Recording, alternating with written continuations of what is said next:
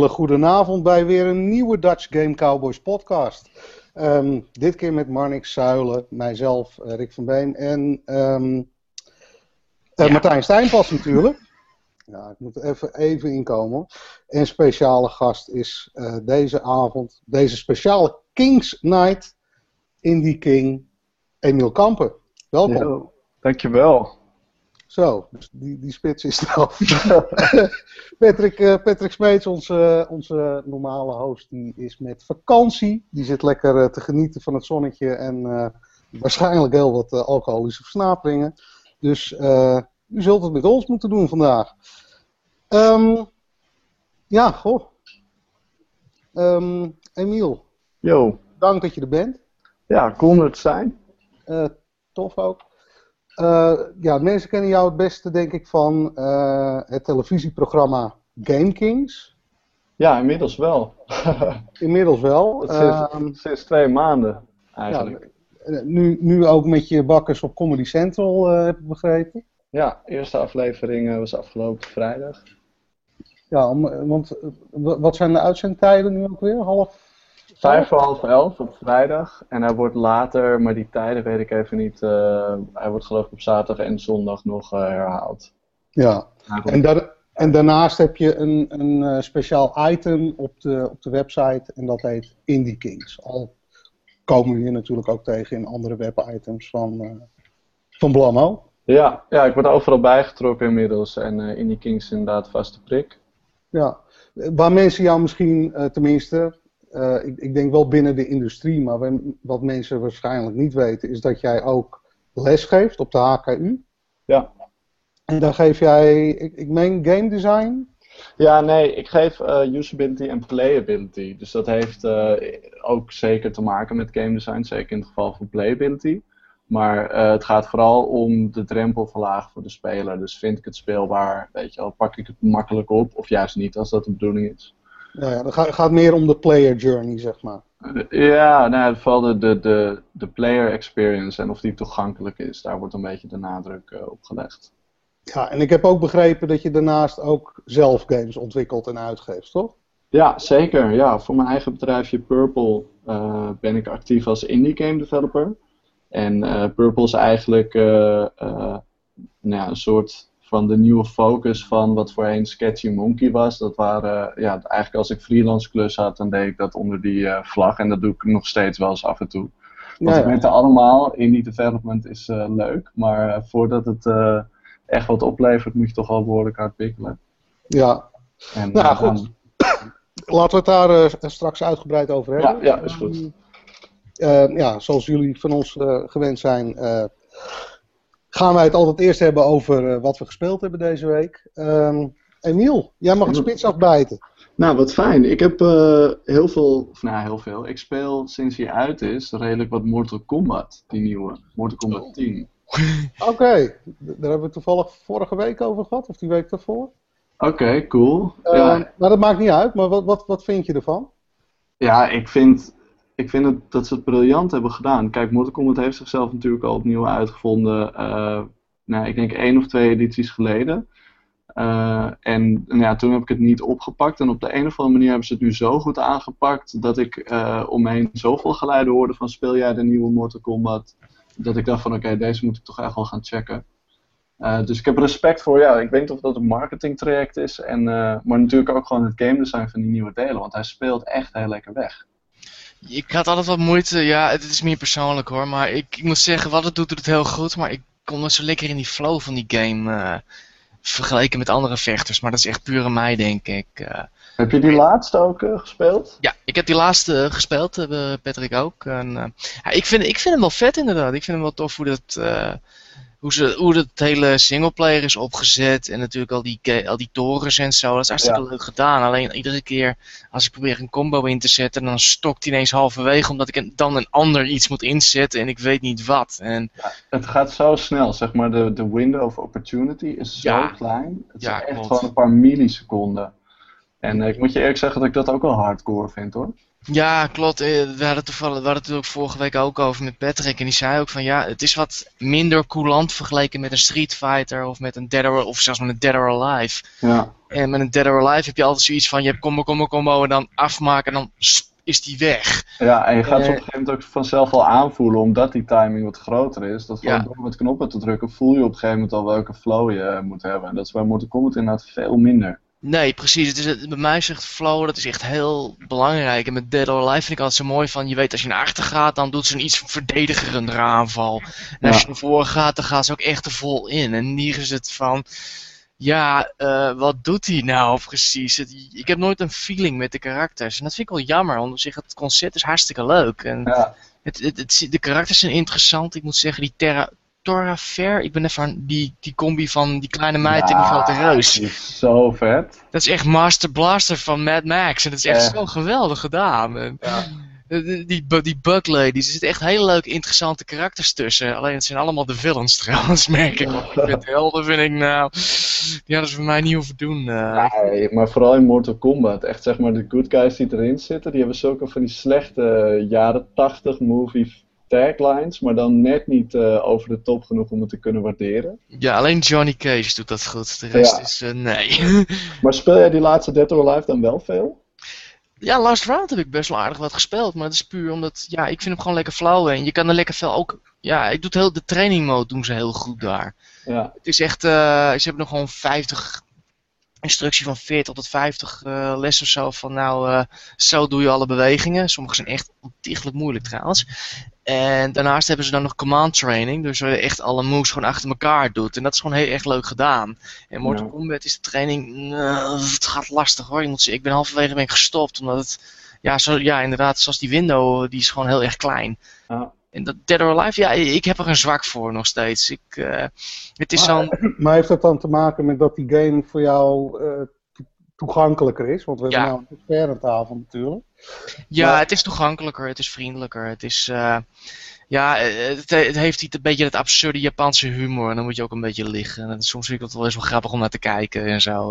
Maar Het wat ik, daar dus ook interessant aan vind, is dat eh, zo, nou ja, Mortal Kombat heeft zichzelf in hun eigen looks niet heel erg opnieuw uitgevonden, maar toch een tikkeltje bij de laatste versie. Mhm. Ik speelde ook die laatste Dead or Alive. En in feite, kijk, het heeft zichzelf net niet genoeg opnieuw uitgevonden om precies wat jij net beschreef, nog Mhm. beter uit te werken. Maar Ja, het is in eens. feite wel gewoon echt gewoon Dead or Alive, maar dan het nieuwste van het nieuwste. En alle characters zien net wat vetter uit. En hebben veel pakjes. En de moves zijn net wat vloeiender, had ik het idee. Ja. Wat toffer. En toch ben ik, want ik speelde hem toevallig van de week omdat studenten op de HQM aan het spelen waren. Die zeiden, doe je, doe je potje mee. En Mhm. toen vroeg ik mezelf echt de vraag van waarom ben ik niet weer voor Dead or Alive inderdaad gaan en wel voor Mortal Kombat. Want voorheen was ik ook inderdaad meer een Dead or Alive eh, man. Speel jij ook Street Fighter, Emiel? Eh, nee, dat, dat is dus ook zo'n franchise die ik eh, wel heb laten liggen sinds de Mhm. 4 eh, reboot. Mhm. Ik speelde altijd heel veel Soul Calibur. Ah, Ah, oké. Ja, Soul Calibur vind ik, vind ik ook tof. Ja, ik heb zelf niet zoveel met Dead or Alive en met, ehm, met Mortal Kombat. De laatste Mhm. Mortal Kombat was echt de eerste die ik gespeeld heb. M- MK9 eh, was dat, hè? Ja. Ik heb meer met Virtua Fighter 5, Street Fighter.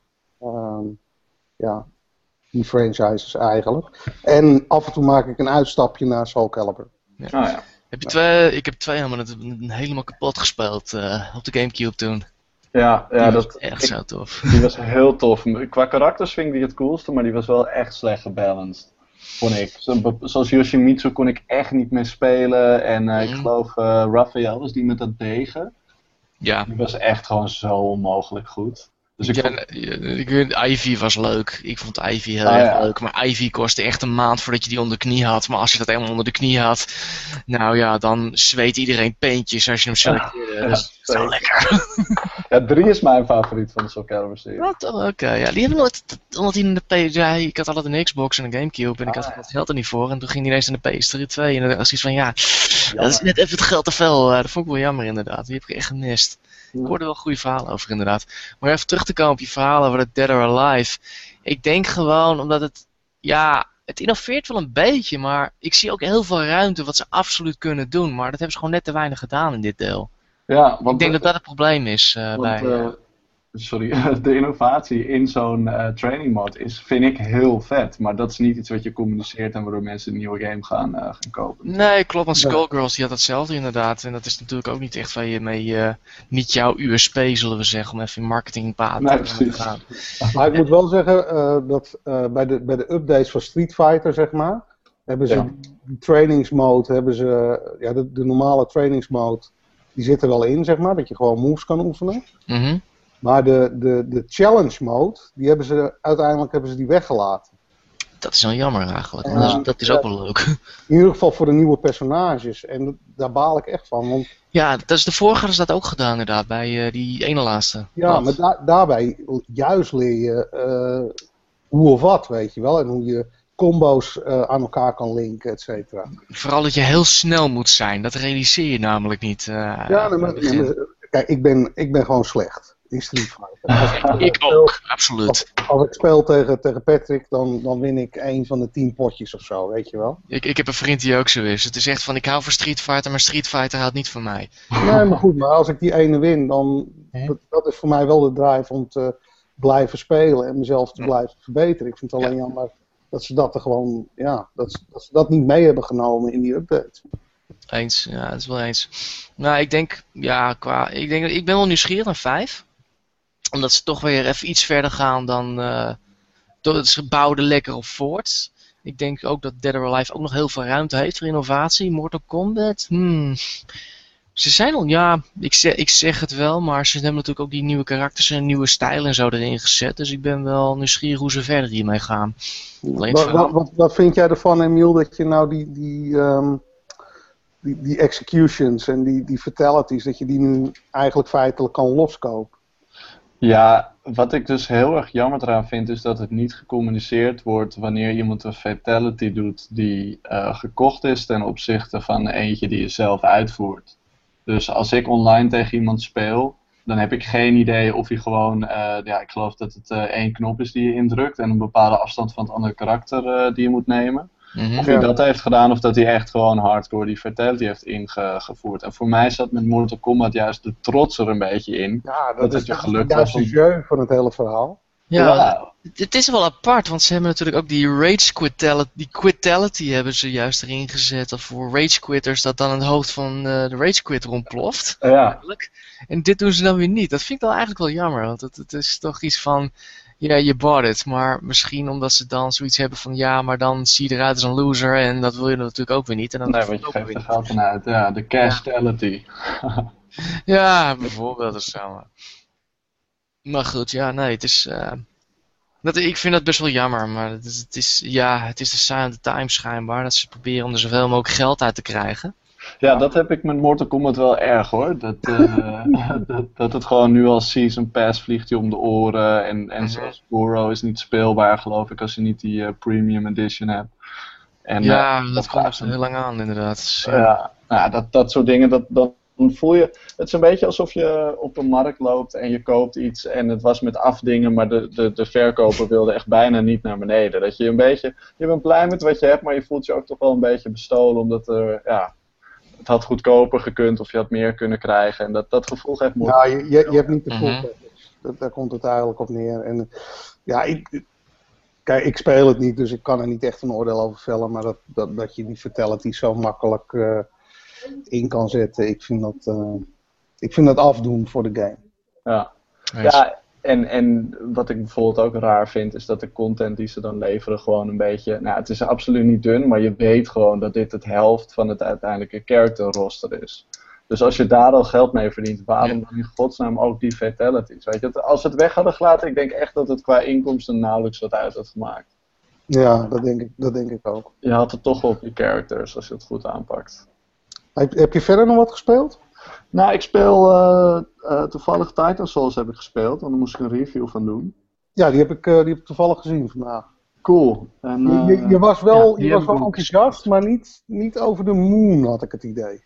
Nee, nee wat, nou ja, wat ik heel erg leuk vind, is dat Titan Souls is ontstaan dus vanuit een Ludum Dare. Dus een, de online Game Jam Challenge. En You Only Have One is eigenlijk nou ja, hetgeen waar de makers toen mee aan de slag zijn gegaan als thema voor dus een jam. En daar is gewoon een hele game uitgekomen.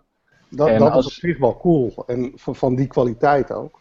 Zeker, en, maar als je dat dus weet, dan tenminste, ik waardeerde het veel meer. Omdat ik dacht van dit is een uit de klauw gegroeid Game Jam project. eh, waar, wat Sony ook heeft opgepikt en, en andere partijen. En eh, ik, zo moet ik het ook zien, weet je. Als je, het gaat, als je het naast heel veel andere releases gaat zetten nu. Bijvoorbeeld gewoon qua emotionele investering, als, als je dat zo kan omschrijven. Dan vind ik Titan Souls heel oppervlakkig. Want het enige wat je doet is even de spanning voelen. En vervolgens eh, heb je de baas verslagen. Nou, dan loop je weer heel lang. Dus dan, ja, dan voel je, het, nou, saai is het nog net niet, maar het komt wel in de buurt. Nou, dan heb je weer heel even twee, drie, hooguit vijf minuten spanning. Dus het zijn allemaal kleine, zeg maar, het is net als een chipzak bijna die je leeg aan het eten bent. Het is geen volledige maaltijd, maar het is wel echt een lekkere snack. Het is wel echt een lekkere snack, inderdaad. en, en daarom zei ik ook, dat is heel grappig, want mensen reageerden heel veel op. Maar ik zei van ja, ik zou hem daarom het liefst gewoon op mijn PSP spelen. Want in de trein wil ik snacken, maar als ik thuis kom wil ik een volledige maaltijd. Dus al die intense games zoals Mortal Kombat wil ik echt wel wat tijd in steken. Ja. Eh, en, maar en- hij, hij is wel vrij intens, toch? Het is, het is geen eh, walk in the park. Nee, maar het is dezelfde soort intensheid. Dus de spanning van het verslaan van een baas is het enige wat je ervaart. En als we bijvoorbeeld ook een verhaal erin hadden gezet, dan had je al gelijk dat je ook benieuwd was hoe het verder ging. Of dat je, weet je, al meeleeft met een karakter waar het slecht mee gaat. En dat zit er allemaal niet in. Dus het, het, voelt ja, een beetje Ja. als een platte ervaring wat dat betreft. Ja, het, is heel leeg, ja. Ja, Dus, ja, De- de- denken jullie dat ze misschien, eh, want ik denk dat ze nu heel veel ehm, ja, effort hebben gestoken in het polishen van wat ze hadden. En, en gewoon om te kijken of dat überhaupt vliegt en, en attractie heeft. En, en dat ze dat misschien nog gaan updaten. Of misschien in een volgend deel wel een, een, een verhaallijn en sidequests. En misschien kleinere eh, vijanden in, het spel gaan stoppen. Ja, ik, ik denk vooral eh, dat, tenminste, ik denk dat het volgende deel dingen gaat hebben als een verhaallijn. Ik denk dat dat met een update heel lastig te doen is, want wat eh, doe je met de mensen die een save-file hebben die halverwege is, weet je wel? Zijn die dan ook halverwege het verhaal, dus dat, dat wordt moeilijk. Mhm. Dus ik, ik, wat ik denk dat ze gedaan hebben is gewoon echt. eh, eh, ze- ze hadden eenmaal die publishing deal. En ik heb me niet ingelezen hoor, dus dit weet ik niet zeker. Maar ik, ik kan me gewoon voorstellen als game developer dat zodra je die deal ziet. Dan denk je gewoon: oké, wat vinden mensen vet aan deze game? Daar gaan we meer van maken. Nou, ja, wat was het vette? De boss fights. Dus ze hebben gewoon zoveel mogelijk boss fights eruit ge, bijna. Want de game is best wel snel eh, ontwikkeld, vind ik, voor, voor hoe groot die is. En alle andere aspecten hebben ze tijdens de ontwikkeling genegeerd. En misschien ook maar goed, weet je. Het zijn geloof ik drie gasten. Dus Ja. als je ook nog een verhaal moet gaan ontwerpen, weet je. Als, zeker als je daar met verschillende karakters en cutscenes dingen mee gaat doen. Dat kost zoveel meer Ja. productietijd. Ik, ik denk ook dat de soort van dat ze juist ook die hele stijl wouden maken van dat het heel erg minimalistisch is. En dat aan de ene kant heb je dus die hele vredige wereld waar je in bent. En totdat je dus zo'n ruimte met zo'n boss fight inloopt. Ja, nee, dat Eh, ben ik ook met je eens. Want ik- hoe- ik- hoeveel bossen zitten er in de game? Ja, ik ben een beetje van de marketing bullet points. Maar... Jeetje, ik weet het ook niet uit, maar volgens mij 16. Maar dat is echt eh, top of my head. Even kijken. Vier, daar drie, daar. Ja, zullen er wel een 15 tot 20 zijn, ja. Oké, maar Ja. er, er zit wel genoeg content in eh, voor die prijs, zeg maar dan. Hè? Want hij, hij kost een tientje, meen ik. Zeker, nee, meer dan genoeg. Nee. En ik denk ook dat heel veel mensen hem wel heel graag eh, eh, gewoon fullscreen thuis achter een console of wat dan ook willen spelen. Eh, maar goed, ik, ik, ik heb gewoon niet zo. Ja, ik heb wel tijd om te gamen, maar niet, niet belachelijk veel. Dus als ik dan in het OV zit, zou ik het liefst. ja, dat, daar past het gewoon meer bij, voor mijn gevoel. Nou, gewoon, gewoon een bos per trip. Ja, zeker. Elke, zeg maar, elk treinritje één, eh, één baas dood. Kom- komt hij naar PSP eigenlijk? ja, ja, volgens mij is het wel op PS Vita. Oké. Ja. Hij is op Vita, eh, PC volgens mij ook. Ja, klopt. Dus. eh, En de, trouwens, de, de Ludum Dare game, dus de Jam, is sowieso gratis speelbaar, eh, eh, volgens mij. Dus als mensen geïnteresseerd zijn, maar nog niet zeker weten of ze willen kopen, dan kun je ook gewoon even googlen. En dan eh, kom je volgens mij ergens bij een playable beeld uit. Ja, dan kun, je- dan kun je in ieder geval kijken of het wat voor je is. Precies. Ja. Of misschien ben je een enorme fan en dan is het gewoon interessant om te zien waar het begonnen is. Dat, dat is ook eh, interessant inderdaad. Nou, cool. Ehm, verder nog? Uh, nou, ik speel ook sinds Hearthstone voor de iPhone is, speel ik dat ook zo af en toe uh, tussendoor. Of eigenlijk iets te veel.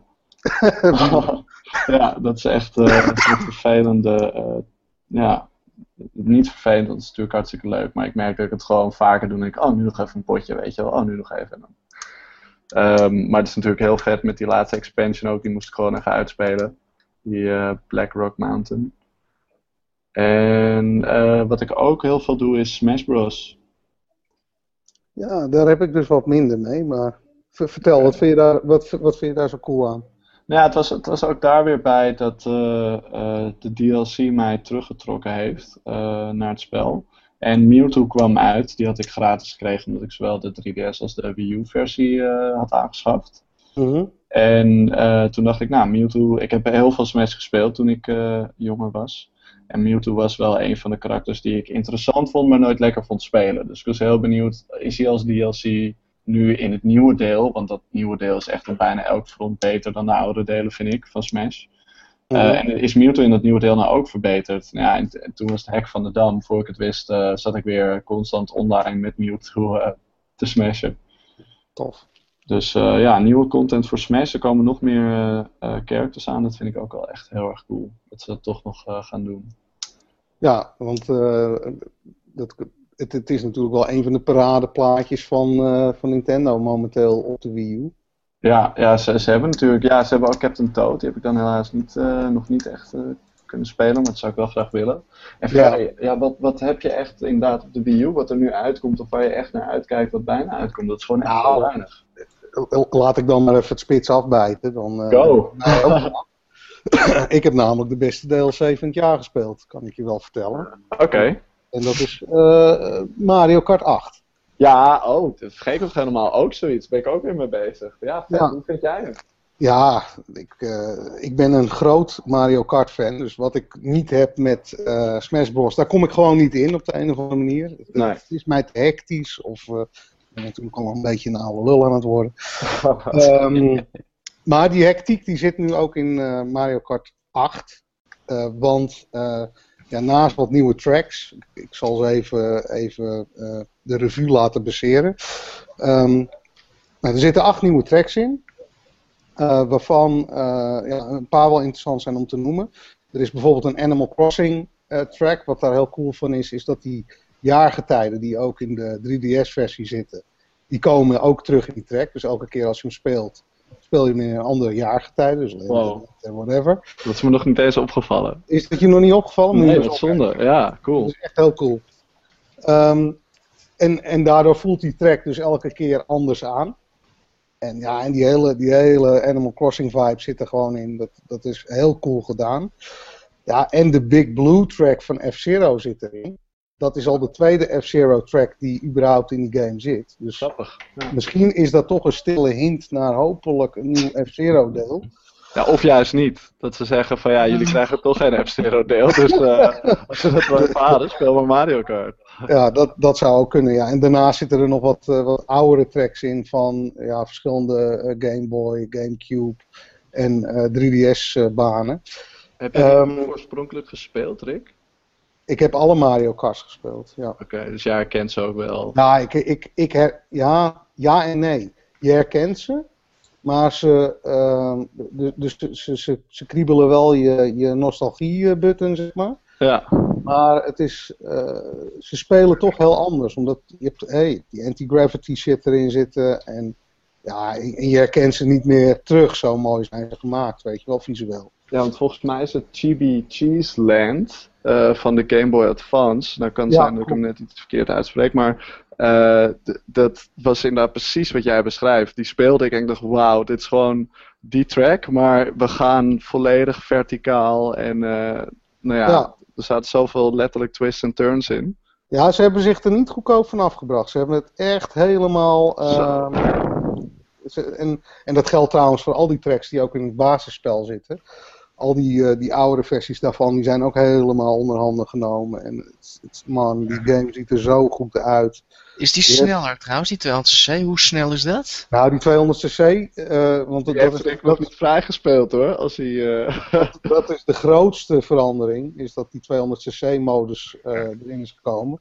Voor alle tracks, hè, want je had natuurlijk al een, uh, een 150cc modus, dat was de hoogste. Maar die heb jij dus wel, Rick. Want ik hoorde je net zeggen, ik word een oude lul en het is allemaal te hectisch. Want die, die 150cc, daar heb ik echt al moeite mee hoor. Ik heb nog niet uh, vrijgespeeld. Die 150cc, daar ben ik nu bezig om alles op 3 sterren te halen. Ja. Plus uh, de mirror mode, want de mirror mode is standaard 150cc. Um, maar ja, nu komt daar dus nog bij de 200cc. Nou, ja. En dat is insane. Je, je moet, dat is gewoon uh, F-Zero, maar dan op Mickey Mouse baantjes. Dus uh, je, je moet nou ook voor het eerst echt remmen en zo, weet je wel. Ja. Het is, en ik, ik heb een paar potjes gespeeld dit weekend en het is, het is te moeilijk. Ik moet echt weer terug naar school om uh, die banen onder de knie te krijgen. Ja, Sam zei inderdaad al dat het een hele andere, een hele andere spel werd uh, op 200 cc. Ja, het, wel. Het, is, het is insane. Het is, het is echt... Uh, het, het is Mario Kart meets uh, F-Zero. Het, het, het, gaat echt insane snel. En je, je, ja, je, je moet echt al insturen in zo'n bocht. Ja, honderden meters voordat, je, voordat die eraan komt, zeg maar. Ja, wel dus, cool dat ze op die manier het spel weer opnieuw hebben kunnen uitvinden. Ik denk ja. dat Die Hard fans het echt wel heel tof vinden. Ja, dus track knowledge is, is, uh, is heel belangrijk nu in die nieuwe, in die nieuwe versie. Maar ja, of het voor iedereen is, daar, dat vraag ik me af, want het is, het is echt insane. Uh, ja, en daarna zijn er wat personages bijgekomen, wat cards. Um, ja, ik vind die dry Bowser echt heel cool. Ja, maar en, en voor die prijzen, dat, dat, vind ik het, dat vind ik het raar. Want Nintendo is meestal wel van het, van het behoorlijk premium prijzen van een DLC of überhaupt van product. Ik heb die hele shit, die, dus die eerste expansion pack en deze, gekocht voor 12 euro. Zo. En ik geloof dat ze los van elkaar kosten ze 8 of zo. En, en dat is het ook al meer dan waard, weet je wel. Ik, uh, ja, iedereen die, die Mario Kart uh, tof vindt, ik, ik, kan het je van harte aanbevelen, want het is echt uh, super tof. Cool. Ja, en, uh, en daarnaast heb ik nog wat Bloodborne gespeeld. Dat, daar hebben we het al zo vaak over. daar hebben we het iedere week over. Ja, we zijn, we zijn, de, we zijn de officieuze Dark Souls podcast, of we zijn het niet inderdaad. Dus, dus maar goed, Martijn, wat, wat heb jij gedaan? Nou, ik heb inderdaad een rondje Mortal Kombat nog gedaan. En ik heb heel veel Heroes of the Storm nog steeds zitten spelen. En ja, het, is niet, mijn mening is niet veel veranderd. Ik heb een paar nieuwe karakters uitgeprobeerd. En ik merk dat support, dat ligt mij gewoon niet. Want ik wil gewoon rammen. En teams, uh, teamgevechten. Als je mensen hebt die precies de juiste drive en de instelling hebben, dan gaat het prima. En als je er een paar hebt die geen idee hebben wat ze aan het doen zijn, of maar wat doen, of heel egoïstisch doen, dan gaat het helemaal mis. Dus ja, eigenlijk kan ik er niet zoveel meer over vertellen, anders dat ik er heel, nog steeds heel veel plezier aan heb. Dus uh, ja, ik ben bijna iedere dag nu tegenwoordig. Dus, uh, ja, oh, je bent echt hoekt? I'm hooked. Ik had niet verwacht dat ik deze MOBA zo leuk zou vinden. Dus uh, überhaupt een MOBA, maar ik, ik wist wel van als er eentje zou zijn, dan zal het waarschijnlijk een Blizzard worden. Want ja, die, ik ben misschien dan een filthy casual dan op dat punt, maar die, dat soort, die liggen mij gewoon veel beter. Dus uh, ja, ik moet zeggen, ja, ik geniet gewoon... We hebben natuurlijk ook een polish die, die in, in weinig games terugziet, denk ik. Ja, het is gewoon een, ze hebben een laag drempel. Uh, dat scheelt ook. Kijk eens in vergelijking met een League of met een Dota überhaupt. dan merk je gewoon echt van ja, daar moet je gewoon echt uren in steken. En dan ben je misschien net goed. Ja. Zoals Eurogamer zegt, je steekt 100 uur in uh, Dota en dan ben je net matig. Ja, dat is mij even te veel. Uh, als, als ik wil gesloten worden, dan ga ik al Dark Souls spelen. Maar ja, je, ik moet zeggen, en, en Blizzard, dat ligt mij gewoon lekker. Die weten precies wat hun publiek wil. Die weten precies hoe laag. Die, je weet, het instapniveau weten ze precies te brengen. En dan is het misschien wat makkelijker. Maar ik vind dat gewoon prima voor mij. Dus ik ben heel benieuwd hoe hij het gaat doen. 2 eh, juni uh, komt hij eigenlijk officieel live. Dus uh, ik ben benieuwd hoe, het, hoe het gaat lopen. Dus ik ben benieuwd of ze de, de MOBA-markt een beetje gaan verbreden. Want ik denk dat heel veel mensen toch wel worden afgeketst. Die, dat, die moeilijkheidsgraad die ketst hun gewoon af in andere titels. En dat misschien deze hun wel trekt. Dus. Ja, maar ik, ik denk dat op individueel niveau is Heroes wel makkelijk. Maar hier ben je wel veel meer afhankelijk van team. Hè? Ja, dat klopt wel. Dus als je echt een, paar idioten hebt, dan ben je echt zwaar de sjaak. Want dat ga je gewoon niet redden. Met een, uh, als je Maar ik begreep tenminste eerst dat je bij een Dota en een League kan je nog wel zeggen van, nou ja, je kan op individueel niveau le- levelen en dan kan je de boel nog wel redden. Maar hierbij kan dat dus absoluut niet, omdat je gewoon allemaal tegelijk levelt. Hmm. Ik had er dus gisteren eentje, die was dus eh, in zijn eentje. Tenminste, normaal ben je met, hier, met Vikings. Moet je op iedere lane een Viking neerzetten. En hier was hij op één lane, had hij alle drie er neerzetten. Dus die wist helemaal niet hoe hij moest micromanagen en zo. En ja, dan ga je niet zo snel eh, met niveau. Dus eh, dat is een beetje vervelend is dat wel. Maar ja, goed, daar ontkom je niet aan. Dus eh, Oké. Maar niks? Ehm, ik, eh, ik heb roguelikes gespeeld. oh jee. Oh, jeetje. Er was een Steam sale, dus eh, Oh, oh ja? ja. Hoeveel, heb, hoeveel, hoeveel heb je er gedaan, man? Te? Nee, ik, ik heb er 10 gekocht. Voor Oh, nog je oh, tien maar. ja, 10. Ja, maar Oh. jong, dan moet je eens kijken wat die dingen kosten. Dat is echt niks. Oh, Ik had nog wat geld over in Steam wallet, dus dat, dat moest Ah. sowieso op. Hm. Eh, ja, ik dacht laat ik allemaal maar gewoon dezelfde games kopen. Dezelfde type games dan. Maar goed, jij bent echt wel een roguelike fan, toch? Ja, Ja. eh, die, die games liggen me wel. Dus eh, ik, eh, ik heb er een aantal al gespeeld. Eh, allereerst A Wizard's Lizard. En vraag me niet waarom het zo heet, buiten dat je met een hagedisje speelt. Ehm, en om maar meteen heel positief te beginnen. Het is een soort van The Binding of Isaac. Oh, Ja, Eh, het- Ehm, alleen dan in plaats van tranen gooit hij nu met zwaardjes en je hebt wat andere items. Ehm, maar in principe is die hele opbouw hetzelfde. Dus je hebt gewoon ruimte met vijanden. Je komt er binnen. Je slacht ze af, je krijgt wat items en je gaat weer weg. Is dat, zou je het een clone noemen? Van, eh, Nee, nee, dat, dat niet. Dat Het, gaat eh, dat, dat gaat wat ver, maar het is wel duidelijk geïnspireerd door. Ehm, maar het- is op zich niet erg, want het, het werkt gewoon goed en er zit wel degelijk een eigen artstyle aan en eigen eh, items zit erin. Dat is, het is wel op zo'n manier dermate uniek dat het wel wat anders is. Maar het is gewoon, de gameplay is grotendeels hetzelfde. Oké. Maar eh, ja, die, die is verder wel leuk. Hij is eh, moeilijk, zoals een roguelike hoort te zijn. Dus, eh, ja, het, ik, het is niet heel verrassend, vind ik, maar het, ja, leuk om te spelen. oké. En, en dat is de enige die je gedaan hebt? Of? Nee, ik heb er nog eentje gedaan. En dat is, moet ik even spieken hoe die heet.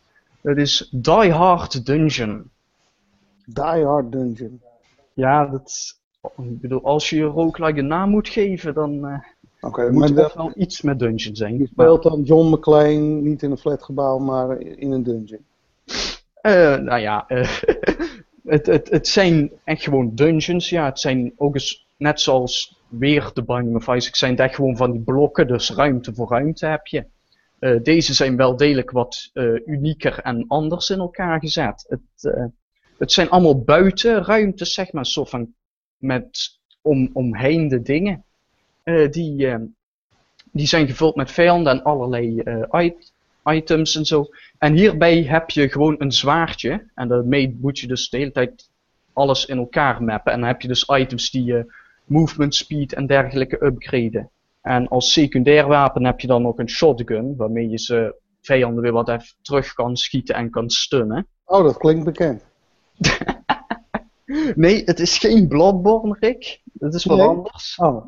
Maar het is wel top-down, of niet? Het is, het is top-down, maar eh, de, de artstyle is wel gaaf. Want het is pixel art, maar ze hebben hem op. eh, volgens mij hebben ze het op een soort van eh, 3, 3D-modellen gemapt. Dus het is wel gewoon top-down, maar je ziet wel het perspectief zeg maar, van een 3D-camera erin.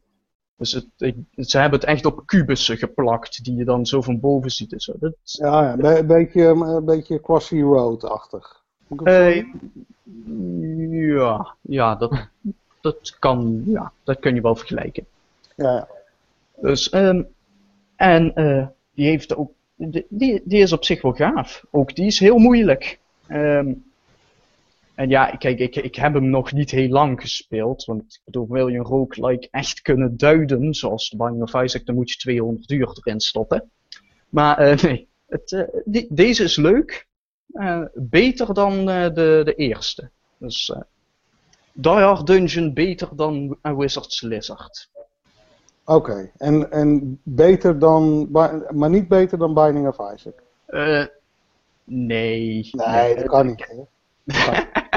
Nee, maar kijk, eh, ik, ik, heb dus, er zijn drie roguelikes die heb ik echt ontzettend hoog zitten. Dat zijn de Binding of Isaac, Rogue Legacy en eh, Risk of Rain.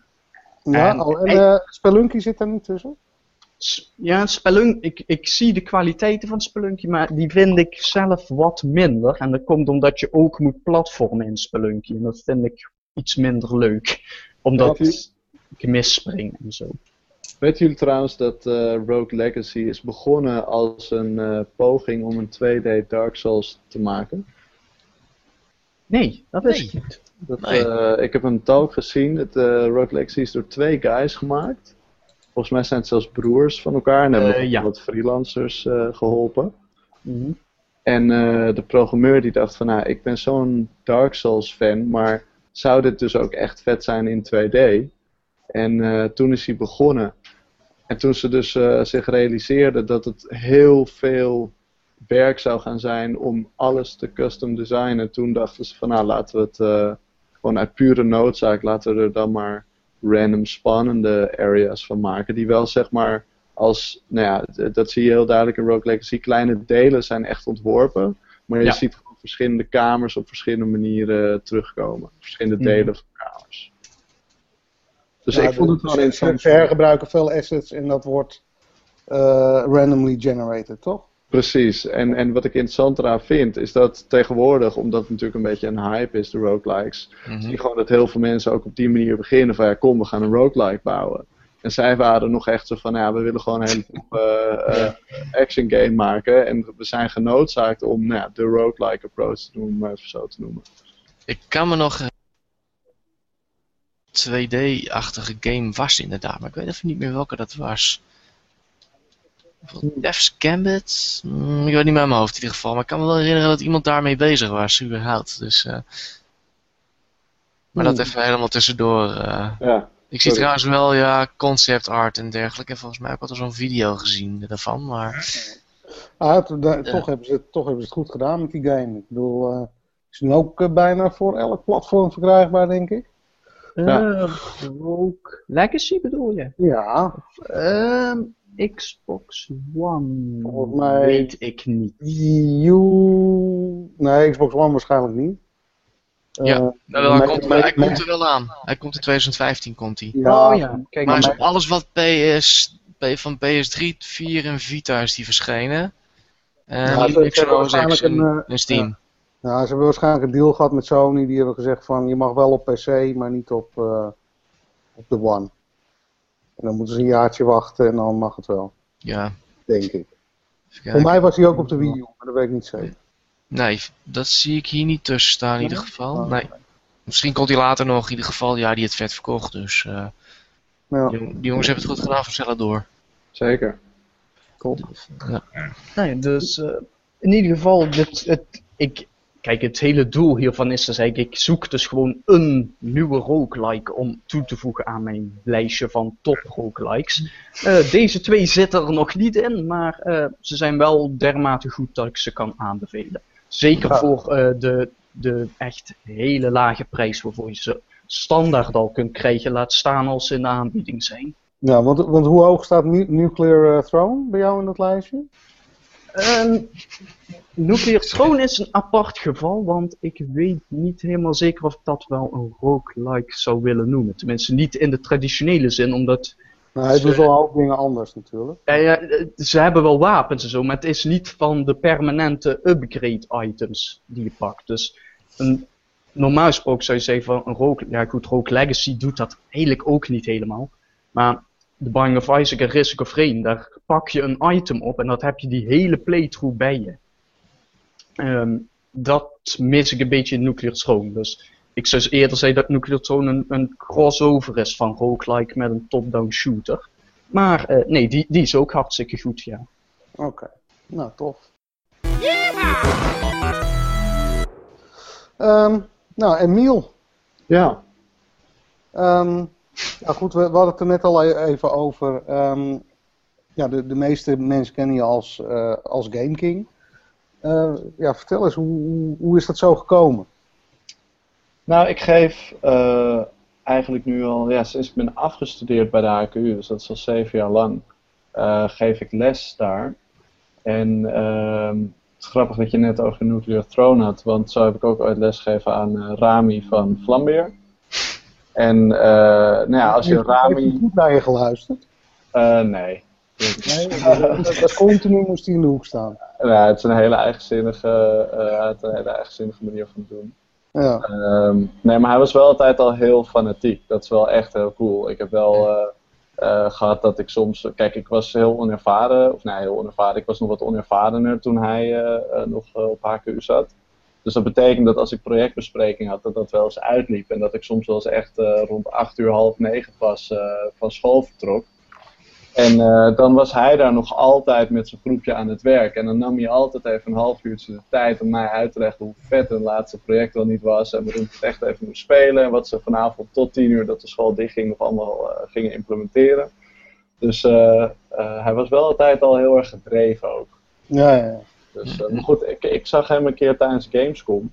En toen stond hij met een of andere kale guy te, te praten. En uh, ik zag niet eens wie dat was. Ik dacht gewoon even Rami gedag zeggen. En uh, dat bleek uh, Boris van de Fan te zijn. En toen, toen dacht ik van, ah, nou grappig. En ik heb even met Boris staan babbelen en hem verteld wat voor toffe dingen we bij HQ deden. Ik dacht van, nou, dat vind ik wel interessant. Ik wil een keer met, met Game Kings komen kijken, want er komen zoveel nou ja, toptitels eigenlijk uit van oud-studenten van, uh, van HKU. En wij hebben eigenlijk te slecht contact met, met die school. Want ik vind het juist wel interessant om ook te zien hoe die projecten eruit zien nog voor ze gereleased worden. Ja. Dus uh, nou, toen was Boris een keer langsgekomen met, of nou eigenlijk wel vaker, ook bij studenten al. En ik sprak hem een paar keer. Toen, nou ja, nadat er een aflevering Game Kings voor tv gewijd was aan HKU, had ik ook een interview gegeven. En zei van ja, je hebt wel wat bij te tenminste, je hebt wel wat, wat, wat mee te delen. Dus ik zou het heel erg leuk vinden als je nog uh, nou, dat interview kon doen. Ik heb een was dat gamergast van vorig jaar, was dat uh, geloof ik? Ja, klopt ja. En uh, het idee was dat dat ook een beetje nou, terug zou komen met meerdere mensen uit Nederland. En toen vond ik het zo leuk dat hij zei van ja, je, bedenk je eigen format en als je dat leuk vindt, kom hier vooral uh, ja, GameKings doen. En maak een item waarin we een beetje dat idee van gaan zitten met iemand en uh, goed interview. Uh, dat we dat misschien kunnen doorpakken. En dat is natuurlijk Indie Kings geworden. Ja. Mag, mag, ik, mag ik even zeggen dat je dat heel goed doet? Thanks man. Om te horen. Um, ik, ik heb, kijk, GameKings heeft natuurlijk altijd wel um, aandacht gegeven aan, aan indie titels. Ik meen dat Nino in zijn tijd er nog wel eens aandacht aan besteden. Maar niet, niet in, een, in zo'n besloten uh, format zoals het nu is. En uh, het coole van dit vind ik, is dat je veel meer de diepgang kan zoeken. Want jouw items duren normaliter tussen de 20 en 30 minuten volgens mij. Ja, soms een uitschieter, maar... Ja, maar, maar ik vind wel dat je, dat je daardoor veel meer als, als, als leek, maar ook als iemand die in de industrie zit... Um, ja, dat je veel meer een idee krijgt met wat game development nou eigenlijk is, hoe moeilijk het is, uh, maar ook hoe creatief het is. Want ja. Een, spelletje, een spelletje maken is niet zo eenvoudig, weet je wel. Nee, zeker. En dat, dat is ook echt mijn doel met Indie Kings. Uh, want toen het op een gegeven moment gevraagd werd, dacht ik van ja, oké, okay, maar waarom zou ik dat dan precies doen? En ik vind het heel belangrijk dat Indie Kings inderdaad nou ja, wel vermakelijk is voor uh, professionals of studenten maar ook voor de normale gamer. En dat er uitgelegd wordt inderdaad wat er gebeurt. Uh, zodat de volgende keer dat jij een DLC ziet die veel te duur is, of je ziet dat een indie om 10.000 of meer uh, vraagt in een Kickstarter om uh, iets nieuws te ontwikkelen voor een spel, dat er niet een soort rage ontstaat. Omdat je denkt, ja, en ze willen gewoon geld en alles is te duur en belachelijk. Ja. Omdat je ook snapt hoeveel moeite er in zo'n project zit. En, maar, en wordt dat een beetje door die GameKings community begrepen?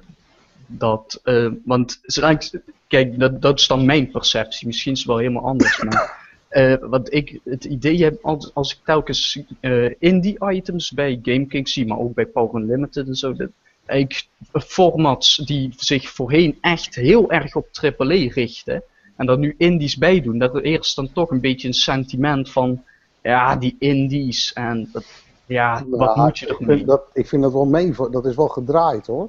Dat was vroeger wel zo, maar Ja, ik denk zeker eh, dat dat niet geldt voor Indie Kings. eh, omdat ik natuurlijk zelf ook indie games maak. En eh, nou, je hoort net al, ik speel zowel indie games als AAA games.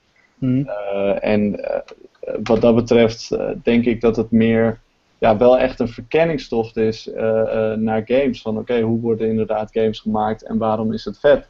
En daar worden ook vergelijkingen gemaakt met AAA games. Dus het, het komt allebei voor. Maar het een wordt absoluut niet afgezet tegen het ander of negatiever gezien of als bijzaak. En ik Nee, denk nee. ook wel dat er genoeg indie games zijn eh, die bij verschillende mensen populair zijn. Waardoor je dus ook ziet dat bijvoorbeeld Boris helemaal gek is van indie games. En eh, eh, nou ja, het- ik, ik- volgens mij heeft iedereen op de redactie wel echt eh, een, een liefde voor een bepaalde indie game. Ja, en maar- het, en het, is, het is natuurlijk ook het, het, die kleinere games, laat ik het even zo noemen. ehm, het is natuurlijk het enige format nog waar binnen games echt geïnnoveerd kan worden natuurlijk. Omdat eigenlijk de, de grote studio's zich niet kunnen veroorloven om hele grote risico's te lopen. Ja, precies. En eh, het grappige is eigenlijk, eh, wat je zei net, nou, het zijn eigenlijk de kleine eh, games. En het grappige is dat dat zelfs alweer begint te veranderen met de enorme Kickstarter-budgetten. En nou ja, je hebt natuurlijk de miljonair indies die volgende projecten gaan doen. Ik weet niet hoeveel miljonairs, maar Mike Little bijvoorbeeld van Thomas Was Alone heeft behoorlijk goed verdiend. Ja, Mhm. Eh, dus dat is ook best wel, nou ja, ik denk misschien wel miljoenenproductie volume waar, waar die nu aan werkt. Dus het is heel grappig, want ik vroeg mezelf ook, ik stelde mezelf ook die vraag voordat ik aan Indie Kings begon, van wat is indie eigenlijk? En ik heb die vraag ook gepost in eh, verschillende groepen, eh, bijvoorbeeld op, op zo'n Facebookgroep.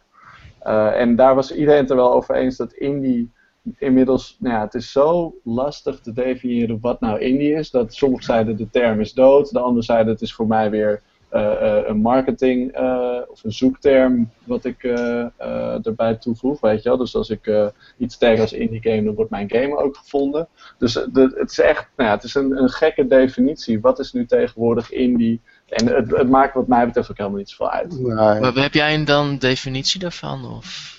Ja, ja zeker. De, waar, ik- waar ik op uitkwam was dat eh, de, de creativiteit van de designer of de maker eh, stond voorop. En eh, diegene had ook het recht om de keuzes te maken die het spel maakte tot wat het maakte. En of Mhm. er dan een miljardenbudget, een miljoenenbudget of weet ik veel wat achter zit, dat maakt helemaal niet uit. Zolang er maar niet iemand is die vanuit een eh, marketingperspectief of eh, nou ja, bijvoorbeeld vroeger had je nog wel eens dat een Sony of een Nintendo heeft gewoon een bepaald portfolio. Want ze weten als we minimaal drie race games hebben en vier fighters en weet ik veel wat, dan hebben we een succesvol jaar. En vanuit dat soort eisen, eh, of vanuit dat soort criteria werden er weer eisen opgesteld naar developers. Dus eh, maak nu een race game, want daar hebben we nog een van nodig in ons portfolio. Ehm, dat zie je nu minder. Dus ik denk Hm. als iemand gewoon vanuit zijn eigen creatieve drive, of in elk geval met het eigen eh, recht om die beslissingen te maken, zijn game heeft gemaakt, dan is het voor mij. Dus dan is het eigenlijk Peter Molyneux, Ken Levine en Kojima, die vallen eigenlijk al af op dat punt. Omdat ze natuurlijk ook met marketing te maken hebben. Ja, ik denk voor een groot deel. Nou ja, het is niet dat je dan ook helemaal niet met marketing te maken hebt, maar eh, het is vooral dat je het eigen proces beheert. Dus als jij eenmaal je game af hebt, dan moet je natuurlijk marketing gaan doen. Ja, maar met, Ja, wat, jij, wat jij bedoelt, het, wordt de, het, het, het thema, de, de, de, de gameplay wordt niet gedirigeerd door marketing. Precies. Ja, Nee, maar dat, ja, dat vind ik eigenlijk wel een goede definitie. Ik, ik denk dat het. ehm, ja, kijk, bij, bij, bij, bij de Call of Duty studios is het gewoon duidelijk dat ze elke twee jaar er een shooter uit moeten pompen. Ja, en, elk als een van die jaar. en als een van die studio's zegt: eh, fuck it, we gaan een platformer maken. Dan eh, denk ik niet dat het Bobby. Kotick eh blij wordt. precies. dat ze zeggen, dit jaar is, eh, Call of Duty, eh, nou ja, je hebt alleen omdat er oorlog ontstaat welk thema eraan hangt. Als dit jaar is het futuristisch, mogen ze al niet eens eh, roepen, geloof ik. Ze hebben dat wel gedaan, maar ik, uh, ze hebben een...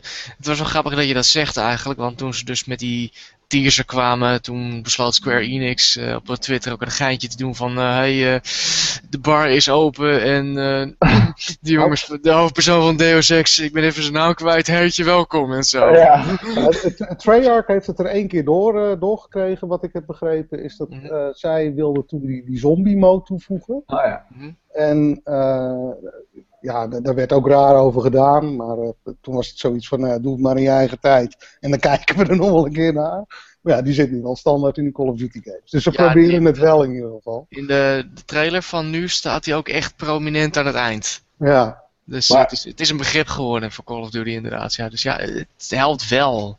Maar het grappige is ook, en dat zie je heel erg uh, ook gewoon in de gehele tech-industrie, is dat als je mensen laat werken vanuit hun eigen motivatie, dan komt daar zoveel vaker kwaliteit uit dan wanneer je mensen heel erg aan het lijntje houdt. Dus ja. ik geloof dat die Google-medewerkers, die hebben dan elke vrijdag dat ze aan hun eigen project kunnen werken. En uh, nou, ik kan me voorstellen, ik weet niet hoe dat precies bij Treyarch is gegaan, maar ik weet dat heel veel studio's ook game jams houden om de zoveel tijd. En daar, weet je wel, dat, dat werknemers gewoon zelf een week lang aan hun eigen projecten mogen werken. En als daar iets interessants uitkomt, dan uh, wordt het ook uitgebracht. Volgens mij heeft Double Fine op die manier een aantal games. Uh, ja, Double Fine heeft dat jaarlijks. Ja, ja dus je, je, je, merkt ook dat Ubisoft het nu steeds meer begint te doen, hè? Ja, met Child of Light is natuurlijk, uh, ik weet niet of dat uit een game jam komt, maar dat is wel ook uh, geweest dat de directie zei van jongens, weet je wat, uh, hier hebben jullie een budget, maak maar gewoon wat jullie tof vinden. Nou, ik denk uh, nog Blood Dragon dat het eigenlijk nog een beter voorbeeld was. Want dat was echt zoiets van, fuck it, we gaan dit gewoon doen. En Ubisoft zei van, nou ja, als jullie dat zo leuk vinden. ja, ik, ik kan me niet zondagmorgen ergens bedacht en dan zoiets van, nou ja, doe maar joh, kijk maar. Ik kan me echt niet voorstellen dat dat, dat uit de koker van, uh, van Parijs kwam inderdaad. Nee, daarom, ik denk Ubisoft die heeft dat wel door. Uh, we zeggen we lopen dan wel te, in te haken op, op een Assassin's Creed en zo en Far Cry en Watch Dogs. Maar wat ze wel heel goed doen is ze, ze mengen eigenlijk groot met het kleine. Want voor iedere Watch Dogs is er wel een Valiant Heart inderdaad een Child, Child of Light. En dus dat, dat, dat, dat, doen ze wel heel erg goed, vind ik nog steeds. Hoor. Ik bedoel, het komt niet altijd lekker uit. Die 2D-platform Assassin's Creed, dat is daar hoor ik wat mixte verhalen over. Maar ja, ze doen het wel. Van oké, okay, we proberen het wel even wat klein. En het grappige is, volgens mij past het ook gewoon binnen de manier waarop Ubisoft werkt. Want met zulke enorme projecten heb je gewoon heel veel personeel wat duur is om te ontslaan. En je wilt talent ook niet kwijt.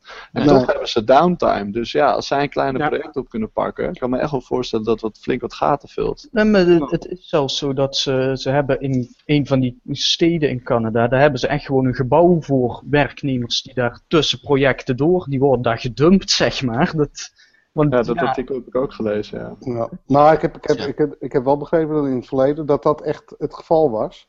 Ze werden gedumpt en ze kregen ook niet echt een, een directive mee van ga nu maar lekker game jam of zo. Nee. Dus ja, je, je, zal mensen hebben die, die zich vervelen en dat automatisch gaan doen.